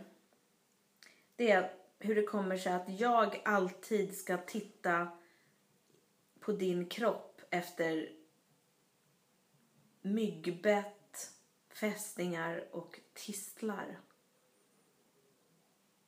Vadå hur det kommer sig? Alltså, vi har varit ihop i snart 18 år. Mm. Jag vet att jag har bett dig en gång titta om jag hade fått en fästing i ljumsken när jag var gravid med vårt andra barn och jag kunde inte se själv. En gång. Mm. Du var inte gravid. Jo, det Nej, jag var skojar, jag. jag skojar. En gång har jag bett dig. Ja. Men jag tycker det är det enda jag gör hela somrarna. Jag ska titta i din hårbotten, jag ska titta i ditt stjärtveck, jag ska kolla under dina fötter. Alltså vad, vad handlar det här om? Jag tror att det är en kombination av att jag börjar bli stel. eh, och att det kanske är enda sättet för mig att få kontakt med dig. Ja men det är det jag bara undrar. Kan vi inte hitta ett nytt sätt att få kontakt med varandra på? Nej, men jag, jag trodde du gillade det. Jag tänker så här, vi rör, vi, det är ju så sällan man får fysisk kontakt nu för tiden och är kärleksfull mot varandra. För det är alltid saker som kommer emellan liksom. Till exempel att man lämnar en bil på Hägerstensvägen Ja, eller ja. barn som vill någonting eller liksom det är kris någonstans liksom. Så tänker jag så här, det är väl ett mysigt sätt att umgås liksom. Du vet väl hur aporna umgås på, Jo, på men jag undrar om, Man var- pillar på varandra lite då och Men då. om vi var singlar och bodde var och en på sitt eget håll. Då skulle, man, ha- då skulle man gå ut på nätdejta så skulle man säga Är det någon som vill plocka fästingar från mig? Och så skulle man hitta en perfekt partner för det som skulle uppskatta det. Men jag plockar gärna fästingar från dina Men jag veck. undrar vad är det med dig som gör att du får så mycket sånt? Jag vet inte. Jag funderade på det häromdagen när vi var hemma hos de här människorna på, här på Gotland och, och, och käkade lunch där och grillade med dem. Ja. De grillade förresten. Fan vad goda hamburgare det blev. ja. Ja. Men i alla fall, då, när vi gick där från badplatsen Ja. så märkte jag att jag var omgiven av flugor. Bara du? Bara jag. Och det var så jävla pinsamt. Därför att den här tjejen som gick där, hon var inte en fluga. Nej. Hon hade också badat precis som jag i samma vatten. Liksom. Hur kommer det sig att de drog sig till mig? Jag. För jag hade ju duschat på morgonen och liksom, det var ju inte så att jag gick omkring med, med gammalt bajs. Ja, men det var ju liksom, visst är det konstigt? Ja, det är konstigt. Ja. Men jag tänker att det är saker som dras till mig då. Jag Mm. kanske har någon sån här mag- magnetisk grej. Okej. Men, Men eh, okej, där med tisten. Jag kan säga så här. Vi spelade barfota fotboll. Mm. Det var ett tistelfält. Det var en gräsmatta full med tistlar. Jag fick in någon jävla tagg i foten och det gjorde faktiskt jävligt ont. Jag kunde liksom inte gå på foten. Och det var väldigt svårt att få ut den. Och det är, det är inte så konstigt att jag frågar min fru då om hon skulle kunna hjälpa mig. Och Nej. kika lite Nej. på den där. Men vadå, tar du illa upp då eller? Nej, men jag undrar bara hur det kommer sig. Att det, men nu har jag, jag har en teori nu. Ja. Eftersom, eftersom du alltid har så mycket fästingar också. Ja, ja jag får mycket Ja, fästingar. jag tror att det hänger ihop med din eh, lilla blåsa. Eftersom du hela tiden måste rusa ut i skogen och kissa. Jag tror att du, du rusar ju alltid ut i skogen och ska kissa. Ja, jag... Eller ja, hur? Ja, ja, ja, det gör du. Och då tror jag att det är då de hoppar på dig. Ja, det kan det vara. Men å andra sidan, skulle vi fjällvandra så skulle de hoppa på dig också. Det finns inte fästingar i fjällen. Nej, okej. Nej, men visst. Så kan det vara. Och eh, det här med blåsan är faktiskt ett problem. Eh, och jag vet flera som är i min ålder som eh, killar som eh, måste gå och kissa väldigt ofta. Ja. Och min syster föreslog att det var prostatacancer. Hon läste nästan Inte glad. föreslog, men hon sa väl att det kanske kunde vara. Ja, men hon såg nästan lite det. glad ut när hon sa det. Liksom. Det var någon tänkte på undersökningen. Mhm, ja, och du, och du pekade glatt. Du, du, du sa ingenting utan du bara gjorde så här med fingret upp liksom typ. Nej, inte fingret, hela handen gjorde jag. Du insinuerade att de ska tränga in med ett typ jättejobbig slang i mitt urinrör liksom. Nej, vi Var pratar det om inte att det är genom rektum de kollar. Var det stjärthålet Ja, du pratade ja. Det skulle vara urinröret att de går in den vägen. Är det inte det? Nej.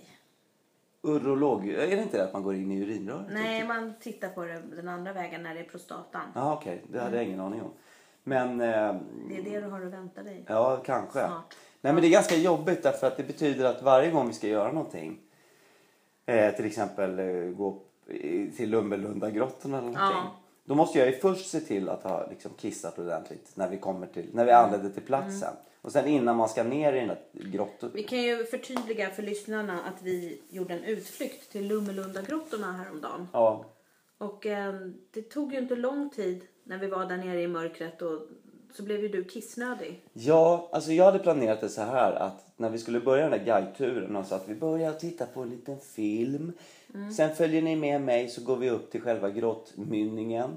Då tänkte jag så här, då kommer vi passera det där där det står WC. Då s- passar jag på att ta en liten snabbis där liksom, innan vi ska in i grottan. För det var ju ändå en lång tur, det var ju typ en timme liksom, 45 minuter, en timme. Men jag hann ju inte det för folk började, det gick ju så jävla fort det där lämmeltåget Ja. upp till grottmynningen. Och jag ville ju inte missa liksom. Och missa er och att de stängde dörren efteråt. Så att jag hann inte mitt andra toabesök då. Så tänkte jag, jag får knipa igen bara. Men sen när vi gjorde nedstigningen då så kände jag, jävlar, det här kommer inte gå bra alltså. Ja. Och det blev så jävla jobbigt för att eh, jag började fundera så här, kan man pissa i grottan liksom? Den här grottan som är 420 miljoner. För det fanns ju massa olika så här små grottor där man kunde gå in någonstans. Men det skulle ju skvala och låta Ja. som fan. Och så flöt det ju vatten. Ja. Och då tänker jag så här, om vattnet flyter då i den riktningen där resten av gruppen är. Där det är belyst och... Ja, det var ju belyst med lampor och han sa också så här. Ja, ni får inte göra någonting. Man får inte lämna någonting som inte har varit här innan. Nej. Det här är liksom K-märkt och det är 420 miljoner år gammalt. Och Om ni tittar ner i vattnet så kanske ni får se någon öring som har smugit Mm. in här och gamla konstiga djur och sådär. Helt plötsligt skulle det börja flyta liksom urinstinkande gult skum där liksom. Så skulle det bli jävligt konstigt. Ja. Och dessutom skulle det höras väldigt mycket. Ja. Men du, en sak till med det här eh, Men du besöket. lyckades, du lyckades ju hålla dig. Jag höll mig. Ja. Det var ju, jag blev jätteglad att jag ja. lyckades. Trodde faktiskt. du inte att du skulle klara det? Alltså jag tänkte så här, vad, vad är alternativen liksom? Att jag springer ut och tar med guiden och ber honom låsa upp den här dörren igen och liksom. Jag menar, vad är liksom, what's the options? Jag var ju bara tvungen helt enkelt att bita ihop. Ja. Men något som jag märkte då, apropå det där att göra saker tillsammans. Det är också väldigt svårt för oss att göra såna här olika utflykter tillsammans. Därför att när vi kommer till såna här guidade turer. Du kan ju inte uppföra dig som en vanlig turist.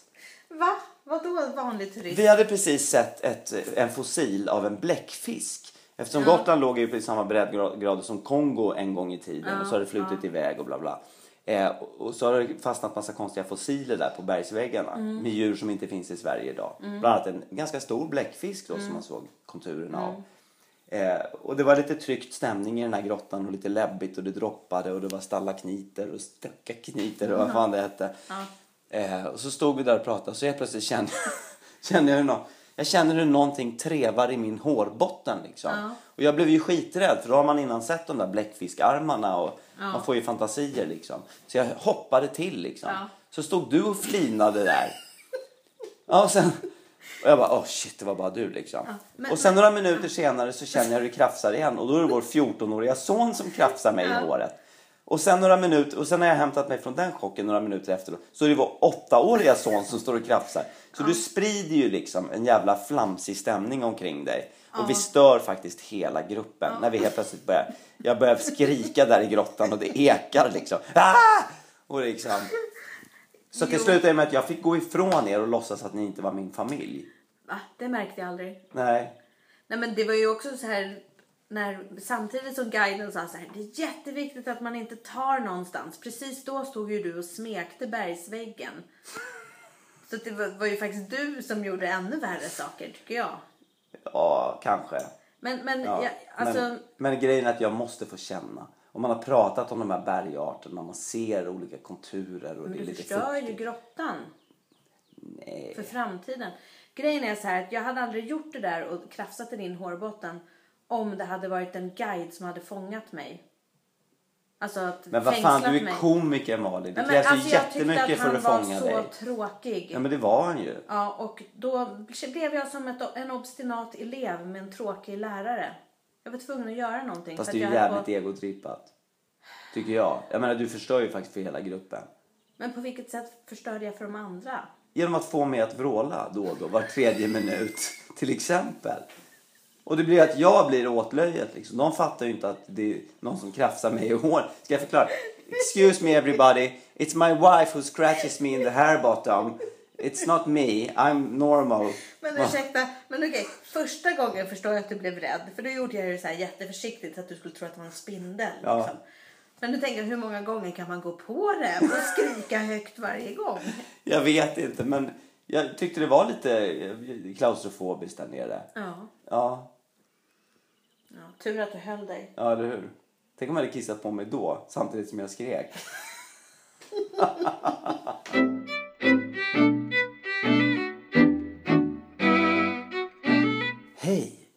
Jag söker dig som vill fjällvandra.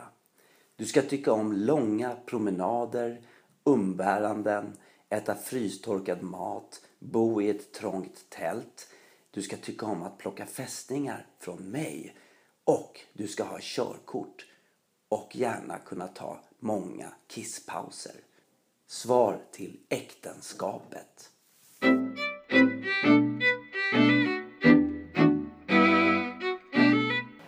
Nu är vi tillbaka till Sätrabadet i slutet av sommaren. Ja, Kanske sommarens sista sköna dag. det kan vara det. Det känns som att det är sommarens varmaste dag tycker jag. Ja.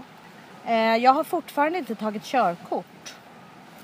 Nej, Slog det mig nu. slog det dig nu? Jag tänker på det nästan en gång i timmen. Ja, nej, men jag var så säker i maj sådär, att när sommaren är slut då kommer jag tillbaka till Stockholm med lappen i handen. Mm. Du har inte öppnat teoriboken än va? Lite grann. Mm. Hur öppnar man en bok lite grann? Att man tittar på några sidor. Ja, ja. Eh, men våran son har tagit körkort. ja han har tagit moppe, moppekort klass, vad heter det, klass 2 va? Ja, EU-moppe. Ja. Så att han har ju faktiskt ett riktigt fint körkort som påminner, alltså det ser exakt ut som det jag har. Bara att det står olika siffror på det, eller olika beteckningar på det. Ja. Eh, så det är ju lite lustigt att han tog lappen före dig. Är inte det? Lustigt och lustigt, men jag är stolt över honom. Ja. Men nu är det ju en ny sorts oro. Att vara orolig för att han ska köra ihjäl sig. Det är ju faktiskt, alltså jag, usch, det är jättejobbigt. Ja. Så fort han kliver utanför dörren nu så tänker jag att kör han ihjäl sig nu så förlåter jag mig aldrig att jag varit med och sponsrat det här. Nej. Det är lite på ett sätt är det lite märkligt att man gör det faktiskt. Samtidigt som man vill att han ska växa med det här och bli en bra och hänsynsfull förare såklart. Han... Tyst med dig hunden. Tyst! Men det, man kan ju säga så här också att det är fantastiskt. Han har ju verkligen jobbat för det. Ja. Han har liksom varit... Tyst! Dumma Alltså det är väldigt mycket grillar och väldigt mycket hundar på Sätrabadet idag. Och motorbåtar. Men ni får ha Ja. överseende med det. Ja, Vi kör ändå för vi vill verkligen vara här idag. Och vi skulle inte hinna spela in annars. Men, eh, jo men jag tycker så här när man är i den där åldern, fem- 14-15 år och liksom så målmedvetet kämpar för någonting. Och sparar ihop pengar, fixar sommarjobb, tar reda på allting, var kurserna finns, vad det finns för moppar, kolla blocket. Jag tycker det är ju faktiskt någonting väldigt positivt med det. jo samtidigt som det kan ju vara ett väldigt målmedvetet men långsamt självmord om han nu kör ihjäl sig. Varför ser du allting så svart? Därför att det han mest pratar om det är ju hur han ska trimma sin moppe och hur fort han ska köra på olika ställen. Ja, men det säger han ju bara för att oroa dig, för du är liksom så lätt oroad. Tror du att han är en hänsynsfull och ansvarstagande förare? Jag tror att han kanske så här med nyhetens behag och liksom det här första kicken kanske kör lite för fort och försöker imponera på kompisar. Men jag tror att han någonstans inte vill bli av med lappen och att han eh, vet att vi, att om vi skulle få reda på någonting så tror jag att vi skulle införa vissa restriktioner. Ja. Kanske till och med beslagta moppen ett tag liksom. Ja. Och det tror, jag, det tror jag han fattar och inte vill riskera faktiskt. För att jag kan bara tänka på mig själv. Alltså jag är ju ganska försiktig och har otroligt stor respekt för trafik och sådär. Så stor att du inte vill ta körkortet Ja, nästan. lite grann. Mm. För att jag litar inte på någon. Jag tänk, när jag är ute och åker så tänker jag att alla är Ja, idioter. men det är nog en bra... jag, jag kan inte lita på någon. Alla är liksom galningar i Ja. mina ögon. Så att jag åker ju och tar hänsyn åt alla hela tiden och är beredd att bromsa. Ja, Men när jag var 14-15 så fick ju jag åka moppe ute på landet med min kompis. Och då tänker jag nog efteråt att vi tog nog lite risker. Vi körde något grustag och sånt där. Det är ju jättefarligt. Men du, jag har också hört en historia när du kör Gre- i Grekland. Ja, Och- i bikini utan hjälm. Ja, och att du faktiskt då, vad hände? Kan du dela med dig av det? Ja, jag ramlade av. Ja, och vad hände sen? Vad hände med din kropp? Eh, ingenting. Gjorde det inte? Nej, vad, vad, Vad menar du på? Nej, det var det som var så Skrapade du inte lustigt. upp dig? Nej, det var det som var så lustigt. För, men Jag har en inre bild av att du kommer upp helt blodig liksom, nej, med nej, skador nej, och får läggas in på akuten. Herregud. Nej, jag och min eh, bästa kompis, vi var i Grekland. Vi var väl eh, 19 eller något sånt där. Och eh, vi körde på varsin moppe i bikini. Eh, och eh, tyckte att vi blev så lite smickrade när folk i bilar så här tutade på oss och tyckte att ja, de tycker vi är snygga. Men nu efteråt har jag tänkt att de nog tutade och tyckte är ni dårar? Klä Ja. på er för fan. Eller det kanske var en kombination. Vilka snygga dårar. Eller, Ja, men i alla fall så eh, vi, på, vi, vi körde någon liten allé som var lite skuggig. Det var lite fina träd och sådär. Vi körde bredvid varandra i säkert bara 20 kilometer i timmen. Vi diskuterade någonting. Vart ska vi åka? Hur ska vi göra? Och rätt vad det är när vi kör sådär långsamt så är det som att jag bara faller i slow motion ner i ett dike. Och min kompis tror ju att nu är Malin död. Men eh, inte en skråma. Det gjorde Det inte ens ont. Jag minns det som att bara ramla ner på en tjock madrass på jumpan. Alltså, Då hade du lite änglavakt kanske? ja det hade jag verkligen. Min mamma råkade ut för en trafikolycka i Grekland. Ja. Som hon inte än, än har återhämtat sig från. Det Då var, var, tio hon, år sedan. då var ju hon gående och blev påkörd av en bil. Ja, Och då hade ju hon otrolig änglavakt. ja, men skadade sig fruktansvärt Ja, ja. mycket. Ja, Så det kan ju hända olyckor. verkligen. Men du, det här, jag vill bara säga att eh, det är ju lustigt det där med hur man, hur man förhåller sig till barnen. För att ena dagen är man jätteorolig att de bara är inne och inte hittar på någonting, inte har några intressen alls. Och inte har några kompisar. När man tänker så här, fan ska det här bli för människa? Ja. Och sen året efter så är, har de inget annat än bara kompisar. Det är det enda de bryr sig om. Ja. Och är ute och tar för sig av livet och världen. Ja. Och då är man orolig för det. Ja. Att det är för mycket av det goda. Ja. Och att de ska lockas in i dåligheter och liksom bli så, så, så sociala att de börjar liksom kanske, du vet. Ja men där röka och utbrända. bli gravida och allt vad fan man kan oroa sig för. Så sociala tror jag inte att de är än. Nej, nej, nej, de är ju unga fortfarande. Men jag menar, man, är, man har ju det där i sig på något sätt. Den där ständiga liksom att man aldrig kan vara riktigt... Nej. Bara faktiskt slappna av och vara nöjd över att... Och, och vad fan, de gör, om- om jag skulle tänka tillbaka på vad jag gjorde när jag var i min sons ålder till exempel.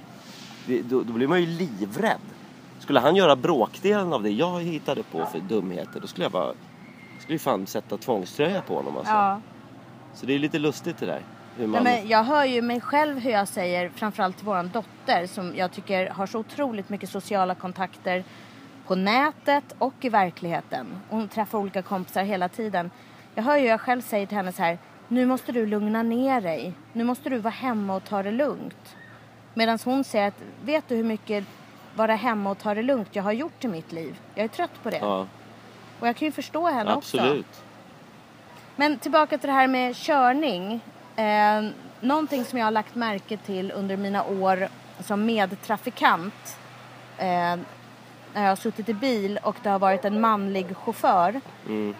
Det är att väldigt många män som kör bil verkar tro att de har så här magiska förmågor på något sätt. När man närmar sig ett rödljus och det är en, en liksom kö. Att många män är så här. Ah, nu räknar jag ner till tre och då kommer slå om till grönt. Eller eh, om jag får som jag vill så kommer det bli grönt nu. Nu. Bli grönt. Alltså vad är det där? Jag känner så här, det är rött, jag stannar in, jag tar ansvar. Men vad är det med att det är så många män som håller på att bli grönt? Som att de skulle ha någon, något inflytelse över trafikljusen. Ja men det är ju det där magiska tänkandet som man har redan som liten. Du vet att man kan styra över väder och vind och natur och liksom man tror att man jag trodde ju liksom till exempel när jag var liten pojke att jag kunde flyga. Om jag bara, att det handlade om viljekraft. Va- Men vänta nu, hur gammal var du då? 15. Nej, men jag, jag kan fortfarande tro det ibland. Att jag liksom tänker att om jag hoppar från den här så kommer jag liksom med lite tur eller med lite så här någon slags gudsfinger kunna klara. Fast man vet vetenskapligt och naturvetenskapligt att, man, att, att det är fullständigt omöjligt med tyngdlag och allt vad det heter. Men det finns någonting att man har, man, har, man är extra ut. Det är ju någon slags elitistiskt liksom Men är det inte, gudskomplex. det låter ju som någon så här OECD, någon jävla tics. Nej men det tror inte jag att det är utan jag tror att det är, eh, jag tror att det är man har ett behov av att känna att man betyder någonting i den här världen och att man har en uppgift och att man har blivit utvald och så. Och det där tror jag för många män, jag tror, inte, jag tror säkert att det finns många kvinnor också, att det följer med upp i åldern. Så att man tänker att man kan styra saker med viljans kraft. Jag menar, man har ju Men sett filmer om det. grejen- Harry Potter liksom, Jo, trollspöet. men, jo, jo, men just den där grejen i trafiken. Alltså det är så här, ibland flyter trafiken, ibland måste man stanna. Att sitta och hålla på då, bli grönt, bli grönt, ah, där ser du.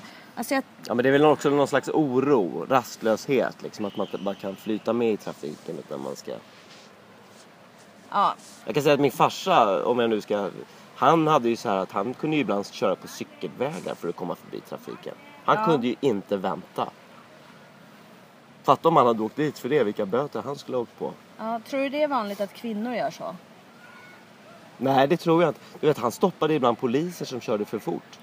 Han åkte ifatt dem, prejade, prejade in dem och liksom stoppade dem och sa så här. Du vet du vilken hastighet du höll här? För han var så, jo, för han, han hade så svårt för auktoriteter. Ja. Och han var så sur på att liksom, de trodde att specialregler gällde för dem när de inte hade sirener på. Jaha, så han skulle hämnas liksom? Ja, jag kommer ihåg vi var, en gång vi var på väg till Gröna Lund tror jag. Så blev han stoppad.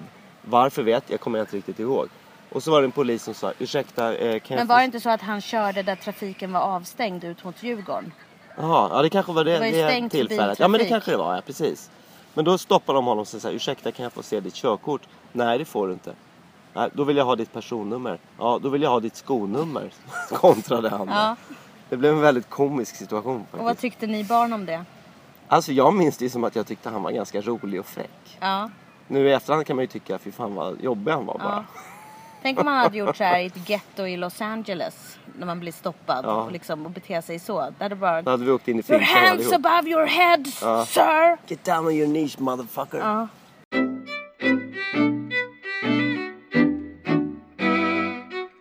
Men du, eh, nu är vi tillbaka. Terminen börjar. Alltså när du säger så här, jag känner att jag inte riktigt vill ingå i det där. Hur ska du göra då? då? Alltså jag står inte ut på tanken med att jag ska bo ytterligare en vinter i Sverige. Ja, vad har du för alternativ då? Alltså vad finns det för utväg? Jag vet inte. Ja, ja, okej. Men det, så känner jag. Fortsätt. Ja. Jag tycker att... Eh, jag tycker du är fin. Jaha, bara just nu eller så Nej, jag allmänt? tycker du är en fin människa. Jaha. Jag tycker du är, är rolig och härlig och du har positiv inställning till livet förutom nu just nu då. Men i, i övrigt tycker jag det. Mm, vad, vad är du ute efter? Vad vill du ha?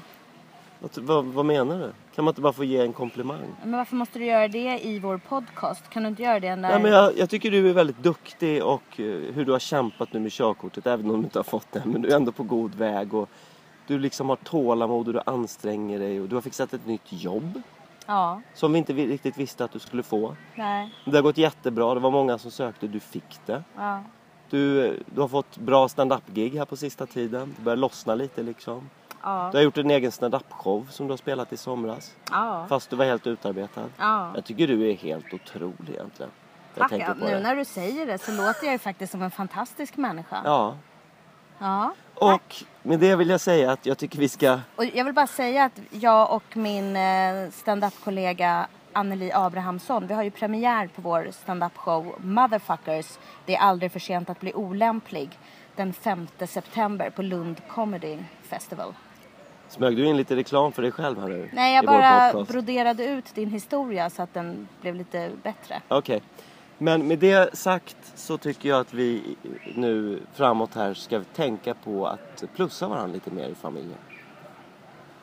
Ja.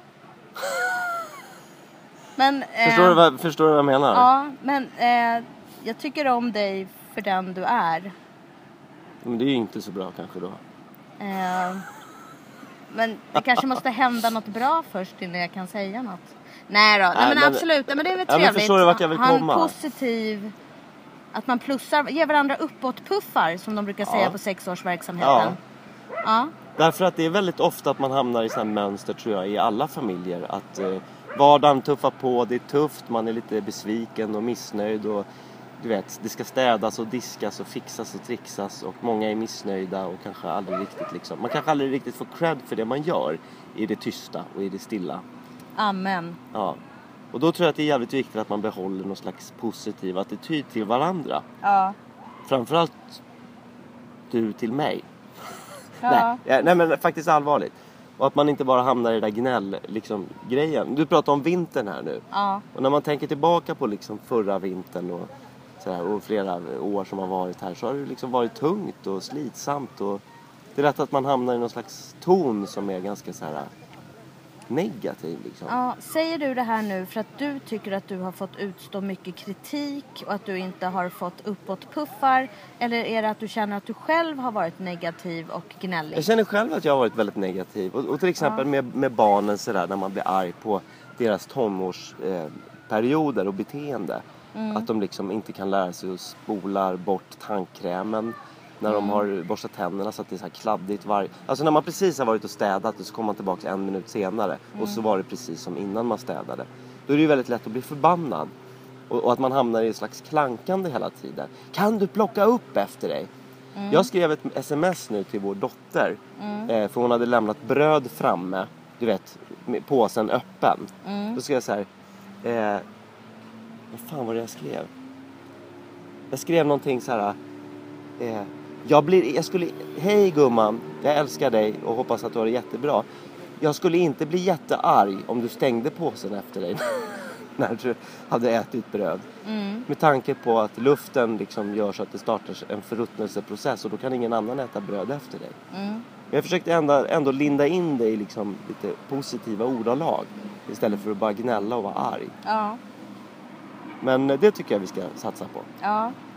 Eh, jag kände här inför barnens skolstarter så kände jag, jag har en, en bekant som håller på med spoken word och stand-up och sådär. Han heter Lennart Bong. Han har gjort Oj, en... heter han så? Ja, På riktigt? Ja, och det är lustigt att du reagerar sådär för han har ju blivit väldigt mobbad för sitt efternamn och så. Aha. Han, det är ett jättekul efternamn. Lennart Bong, jag, Ja. jag tycker du är... Nej men nu var jag positiv. Ja, Det är jag, ett spännande ja, efternamn, men måste man hålla på och reagera på allting? Kan man inte bara säga jaha så heter han? Ja. Ja, men i alla fall, han har gjort en film som handlar om mobbning. Som har fått otroligt eh, mottagande och han har fått vara med i alla morgonsoffor och blivit uppmärksammad i tidningar och sådär.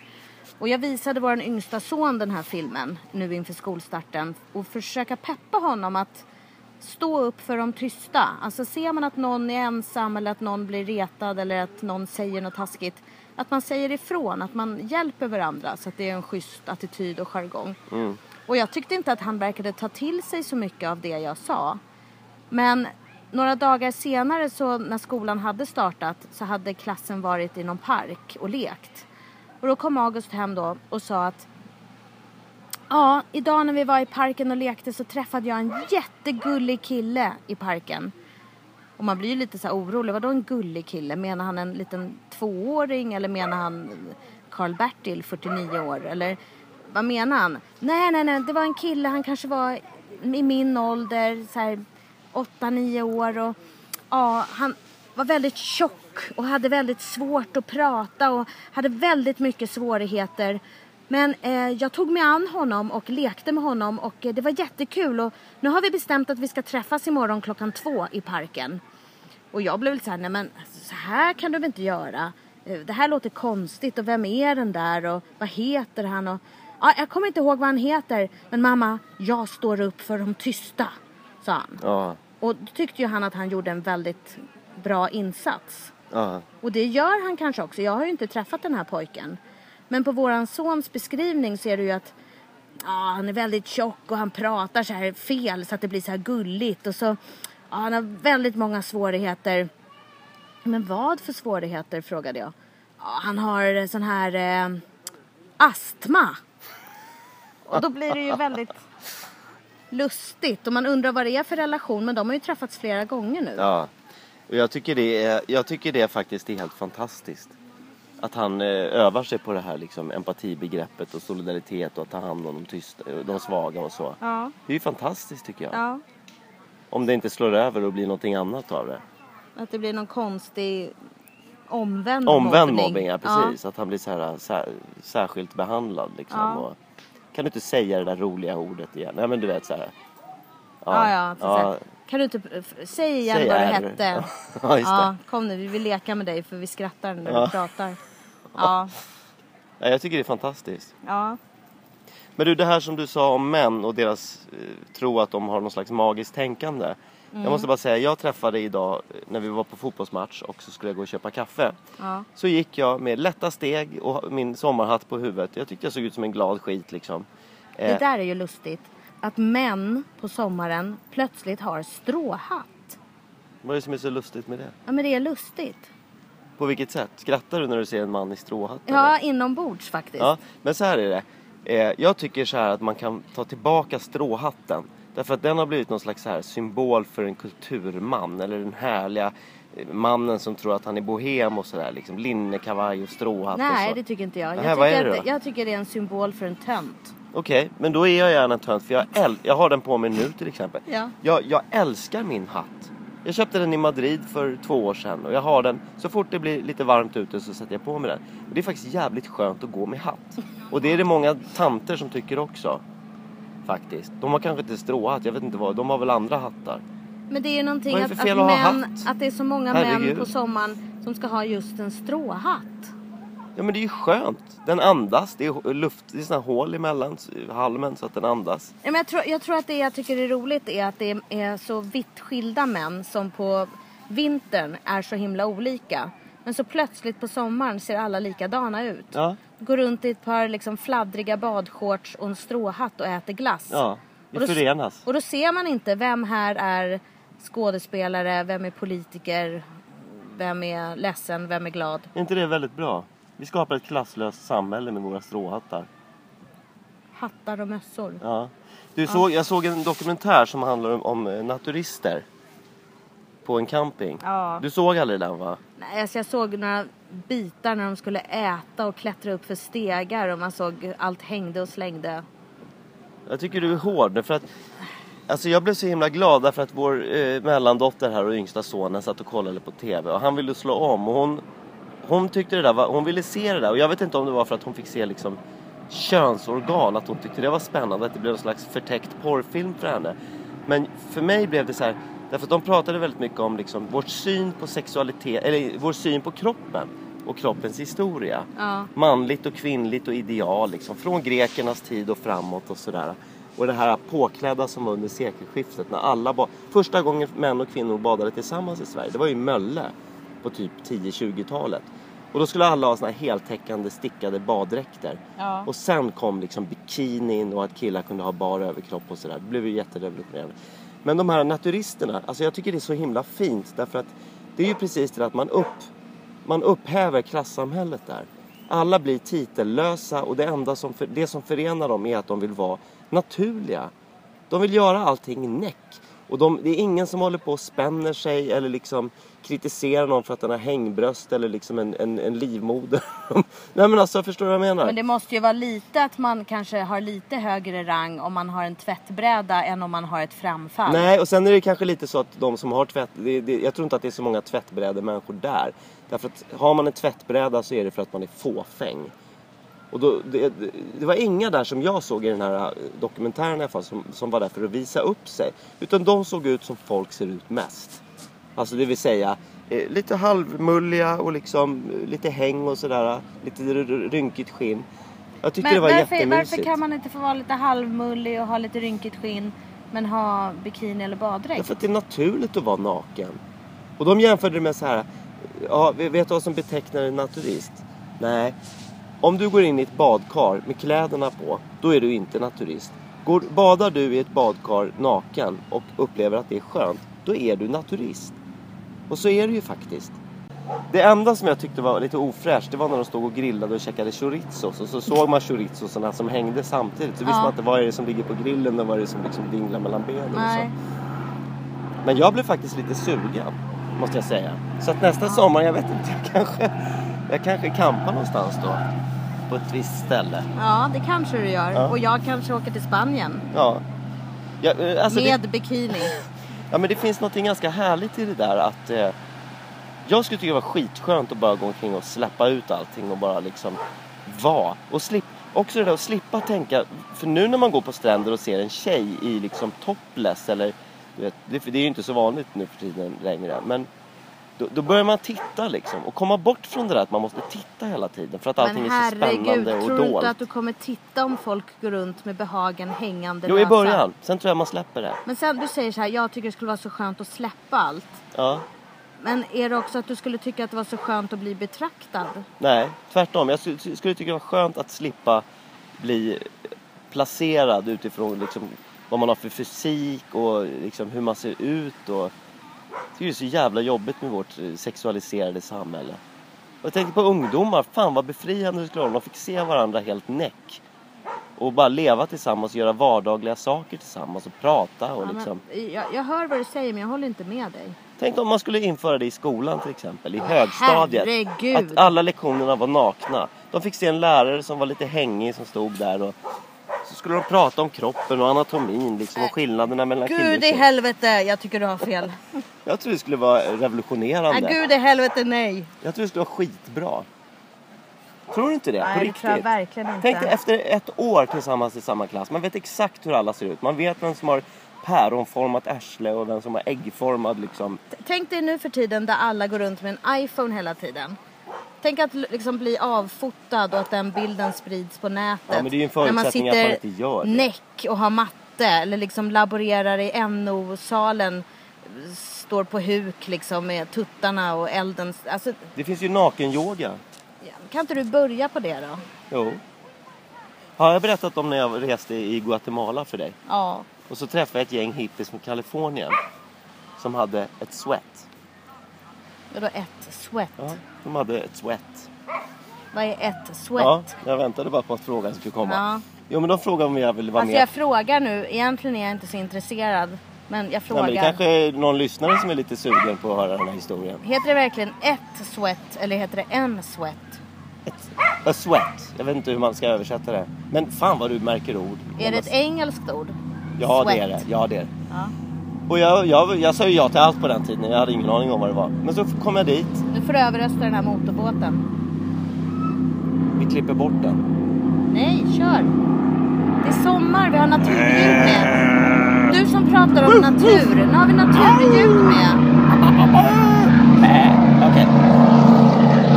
En jäkla racerbåt här förbi Sätrabadet. Ja, en Jo, sweat. Ja. Då, jag, jag hade lärt känna dem på något jävla sätt. Jag kommer inte ihåg. Det var så luddigt allting på den tiden. Men eh, jag kom dit i alla fall. Det var ute i skogen någonstans. Och de levde i någon slags kollektiv där. Så hade de spänt upp en stor tipi. Eh, alltså indiantält då. Eh, Tippi. Ja. Jip- Jippi, en tippi. Ja. Nej men då klev jag in där och de bara No, no, no. Take off your clothes. Och då såg jag att alla var nakna där inne. Gummor och gubbar och tanter och barn och bebisar. Och...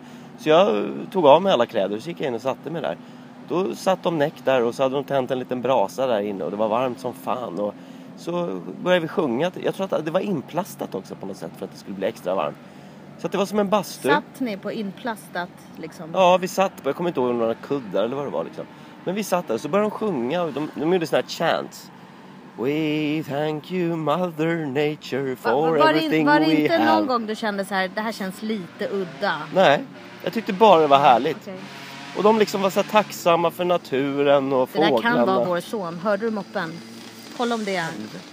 Nej, det var Nej, okej. Bra. Nej, jag tror inte det. Nej. Alltså jag blir orolig när jag hör att du kliver in Nej, det där i en tippi med okända människor och klär av dig och sitter och sjunger Tack Moder Jord. Varför det? Var du full? Nej, inte just då. Rökte folk hasch där inne? Nej, det hade de säkert. De rökte väl på en del, men, men inte just då. Ja, men jag tyckte det var, det var faktiskt en otroligt härlig upplevelse. Och då kände jag att jag var liksom... Vi kände inte varandra så bra. De visste ju inte vad jag höll på med och sådär. Att jag var svensk och det spelade ingen roll liksom. Men vi satt där och delade ett litet moment med och kände att vi var en del av naturen. Fan vad flummig jag låter du. Gör jag inte det? Alltså jag känner mig skeptisk. Har du aldrig gjort något sånt? Eller träffat sådana människor? Nej men alltså när jag var yngre, jag badade gärna näck när man var ute i skärgården och sånt där. Men det är ju inte på någon nivå i närheten av det du sitter och berättar nu. Välkommen till Nej, gemenskapen. fy fan. Vad skönt det ska bli med vinter.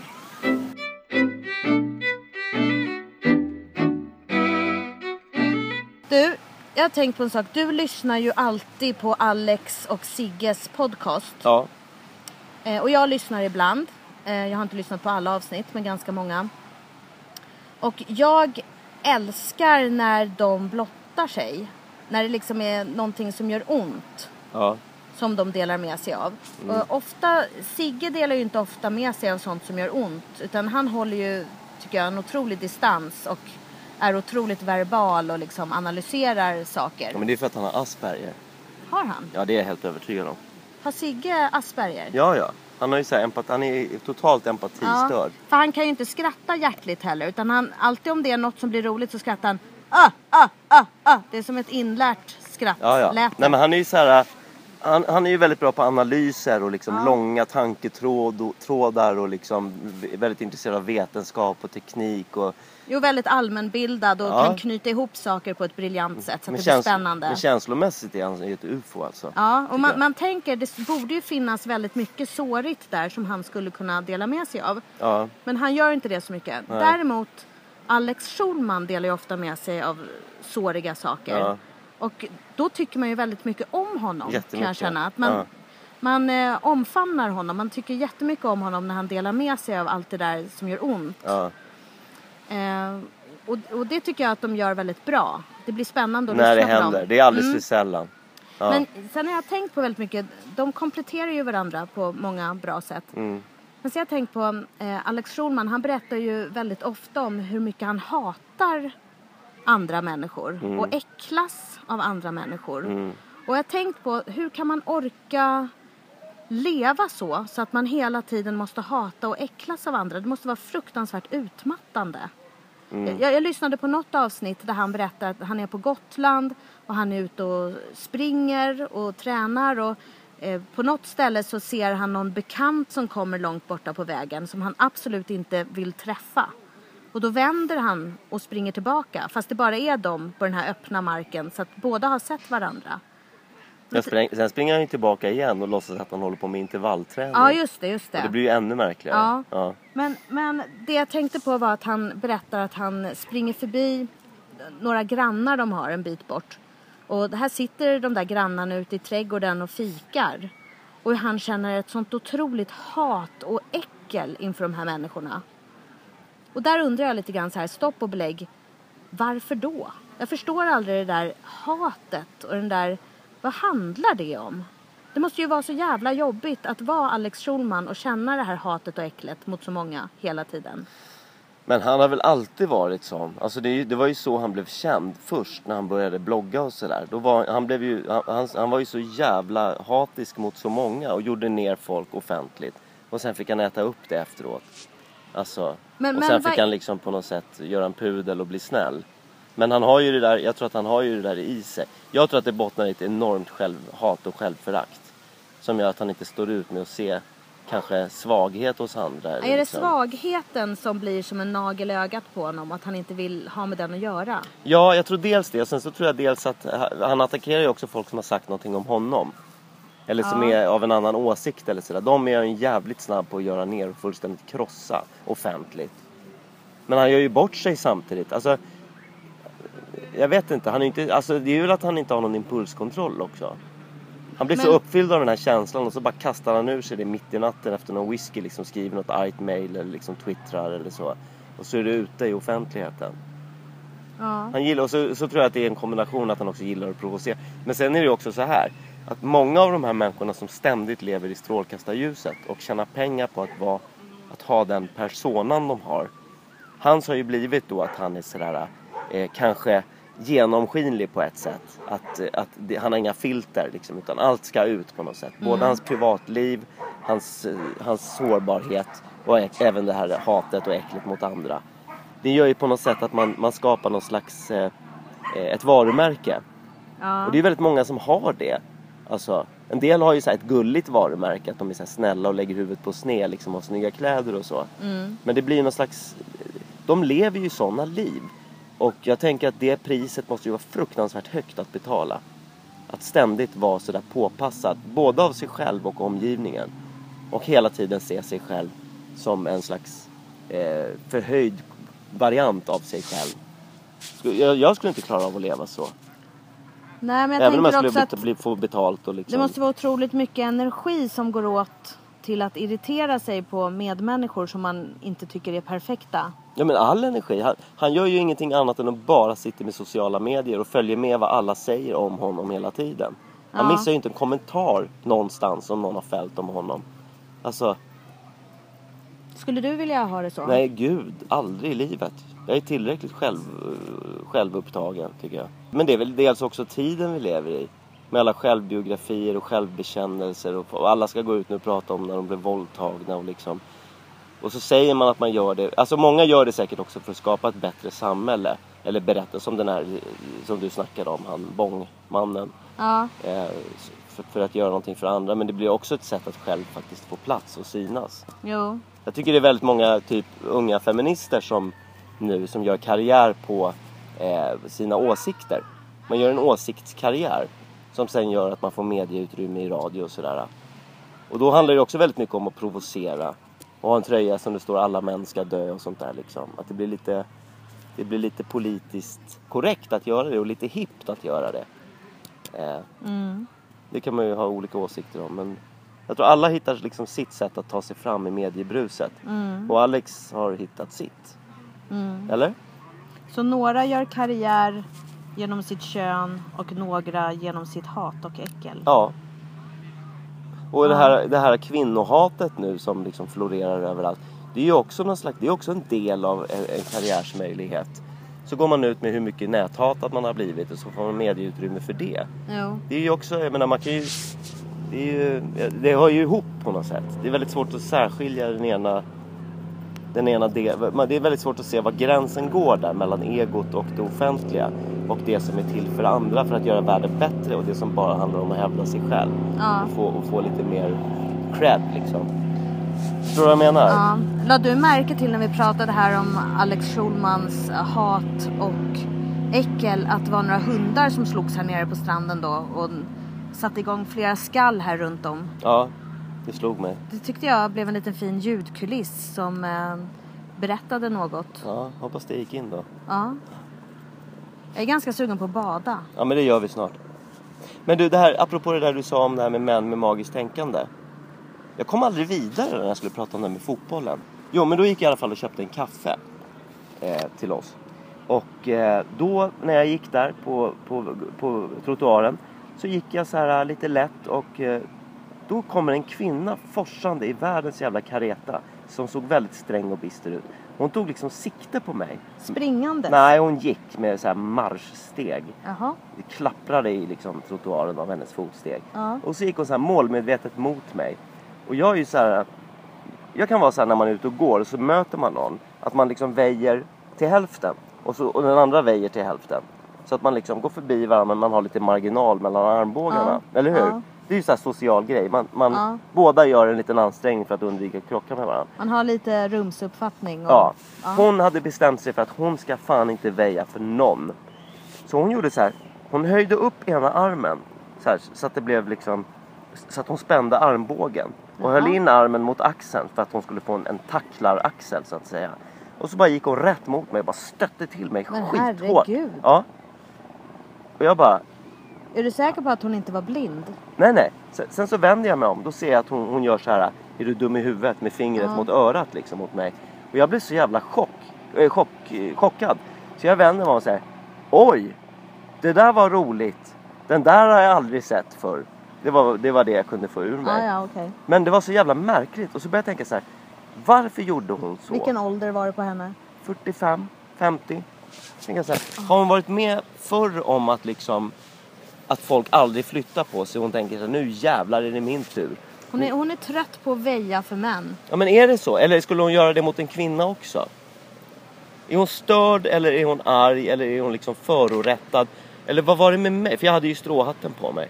Var det Ja. stråhatten som... Jag tror att stråhatten kan tagga igång en kvinna alltså. Tror En du? kvinna som har fått väja för män i stråhatt. Som har suttit bredbent i tunnelbanan och som inte har gett henne plats på trottoarer. Nej, nu är det hennes tid. Det här året ska hon fan inte ta någon skit från män i stråhatt. Nej, det kanske är så. Jag hade liksom ett linne och solbriller och jag kom från sonens match och skulle köpa kaffe till min fru och hade liksom Men det vet väl och- inte hon? Hon ser ju bara en provocerande mansperson i stråhatt. Ja, men- Som väjer till hälften. Du skulle fan ha ställt dig en meter åt sidan och bockat och sagt goddag frun. Ja men vad fan alltså. Jo, lite Men- hyfs. Men vad då hyfs? Nej, jag skojar. Det, man delar väl utrymme tillsammans och det här blir ju på något sätt en symbol för hela vårt samhälle idag. Ska jag gå omkring med en t-shirt som det står Jag kommer från sonens match, jag ska hämta kaffe till min fru, jag är inte en kulturman. Eller okej, jag är en kulturman. Nej, men men jag vill, inte, Tobias- jag vill inte sitta fast i det Tobias, liksom man, epitetet. man kan ju inte heller bestämma sig för att jag väjer alltid till hälften och räkna med att den man möter också ska ta sitt ansvar till 50 procent. det faktiskt är så att du kanske ibland ska väja till 100%. Ja men det gör jag ibland också om det kommer folk med ett kylskåp eller liksom de kommer och ska lägga in glasfönster någonstans och man ser att de inte har möjlighet att väja. Eller om det är en person med permobil eller en knarkare Gud vad fin du är som väjer eller en polis folk. i utryckning. Nej men det finns ju en jävla allmän hyfs liksom. Ja. Man, gör, man, du vet, man är lite smooth i kroppen. Ja. Jag vill inte tänka som du gör i trafiken att alla där ute är dumma i huvudet. Men jag vill kunna det. känna att mina, jag kan li- ja fan vilken rolig värld vi får då. Ja, men så får Ska man jag bli tänka... cynisk och liksom Nej, misstänksam? men tänk och... att det här kanske kan vara något att du verkligen visar hyfs och eh, hänsyn, att du väjer till 100%. Det kanske kan ge goda ringar på vattnet. Då kanske hon går där och spänner sin rugbyaxel och så bara, nej det blev ingen tackling. Han flyttade på sig, han släppte fram mig. Då kanske jag ska vara lite mer vänligt inställd till män i stråhatt nästa gång. Ja men nu blir ju konsekvensen att nästa gång jag möter henne så kommer jag spänna min axel ännu mer, eller ännu mer än hennes. Och så kommer det bli så här, vem är starkast? Nej, Jo. ska du vara sådär Ja långsint? men vad fan, det blir ju på något sätt Kan du inte vända andra kinden till? andra axeln till. Och så Ja. går jag jämsides med henne. Ja, så kan vi göra. Gå i krabbgång. Jag gör det, jag vänder om nästa gång jag möter henne, spänner mina axlar, går jämsides med henne, så tar vi upp hela trottoaren. Och så bångar vi ner varenda jävel. Ja. Lycka till. Tack! Nu vill jag bada.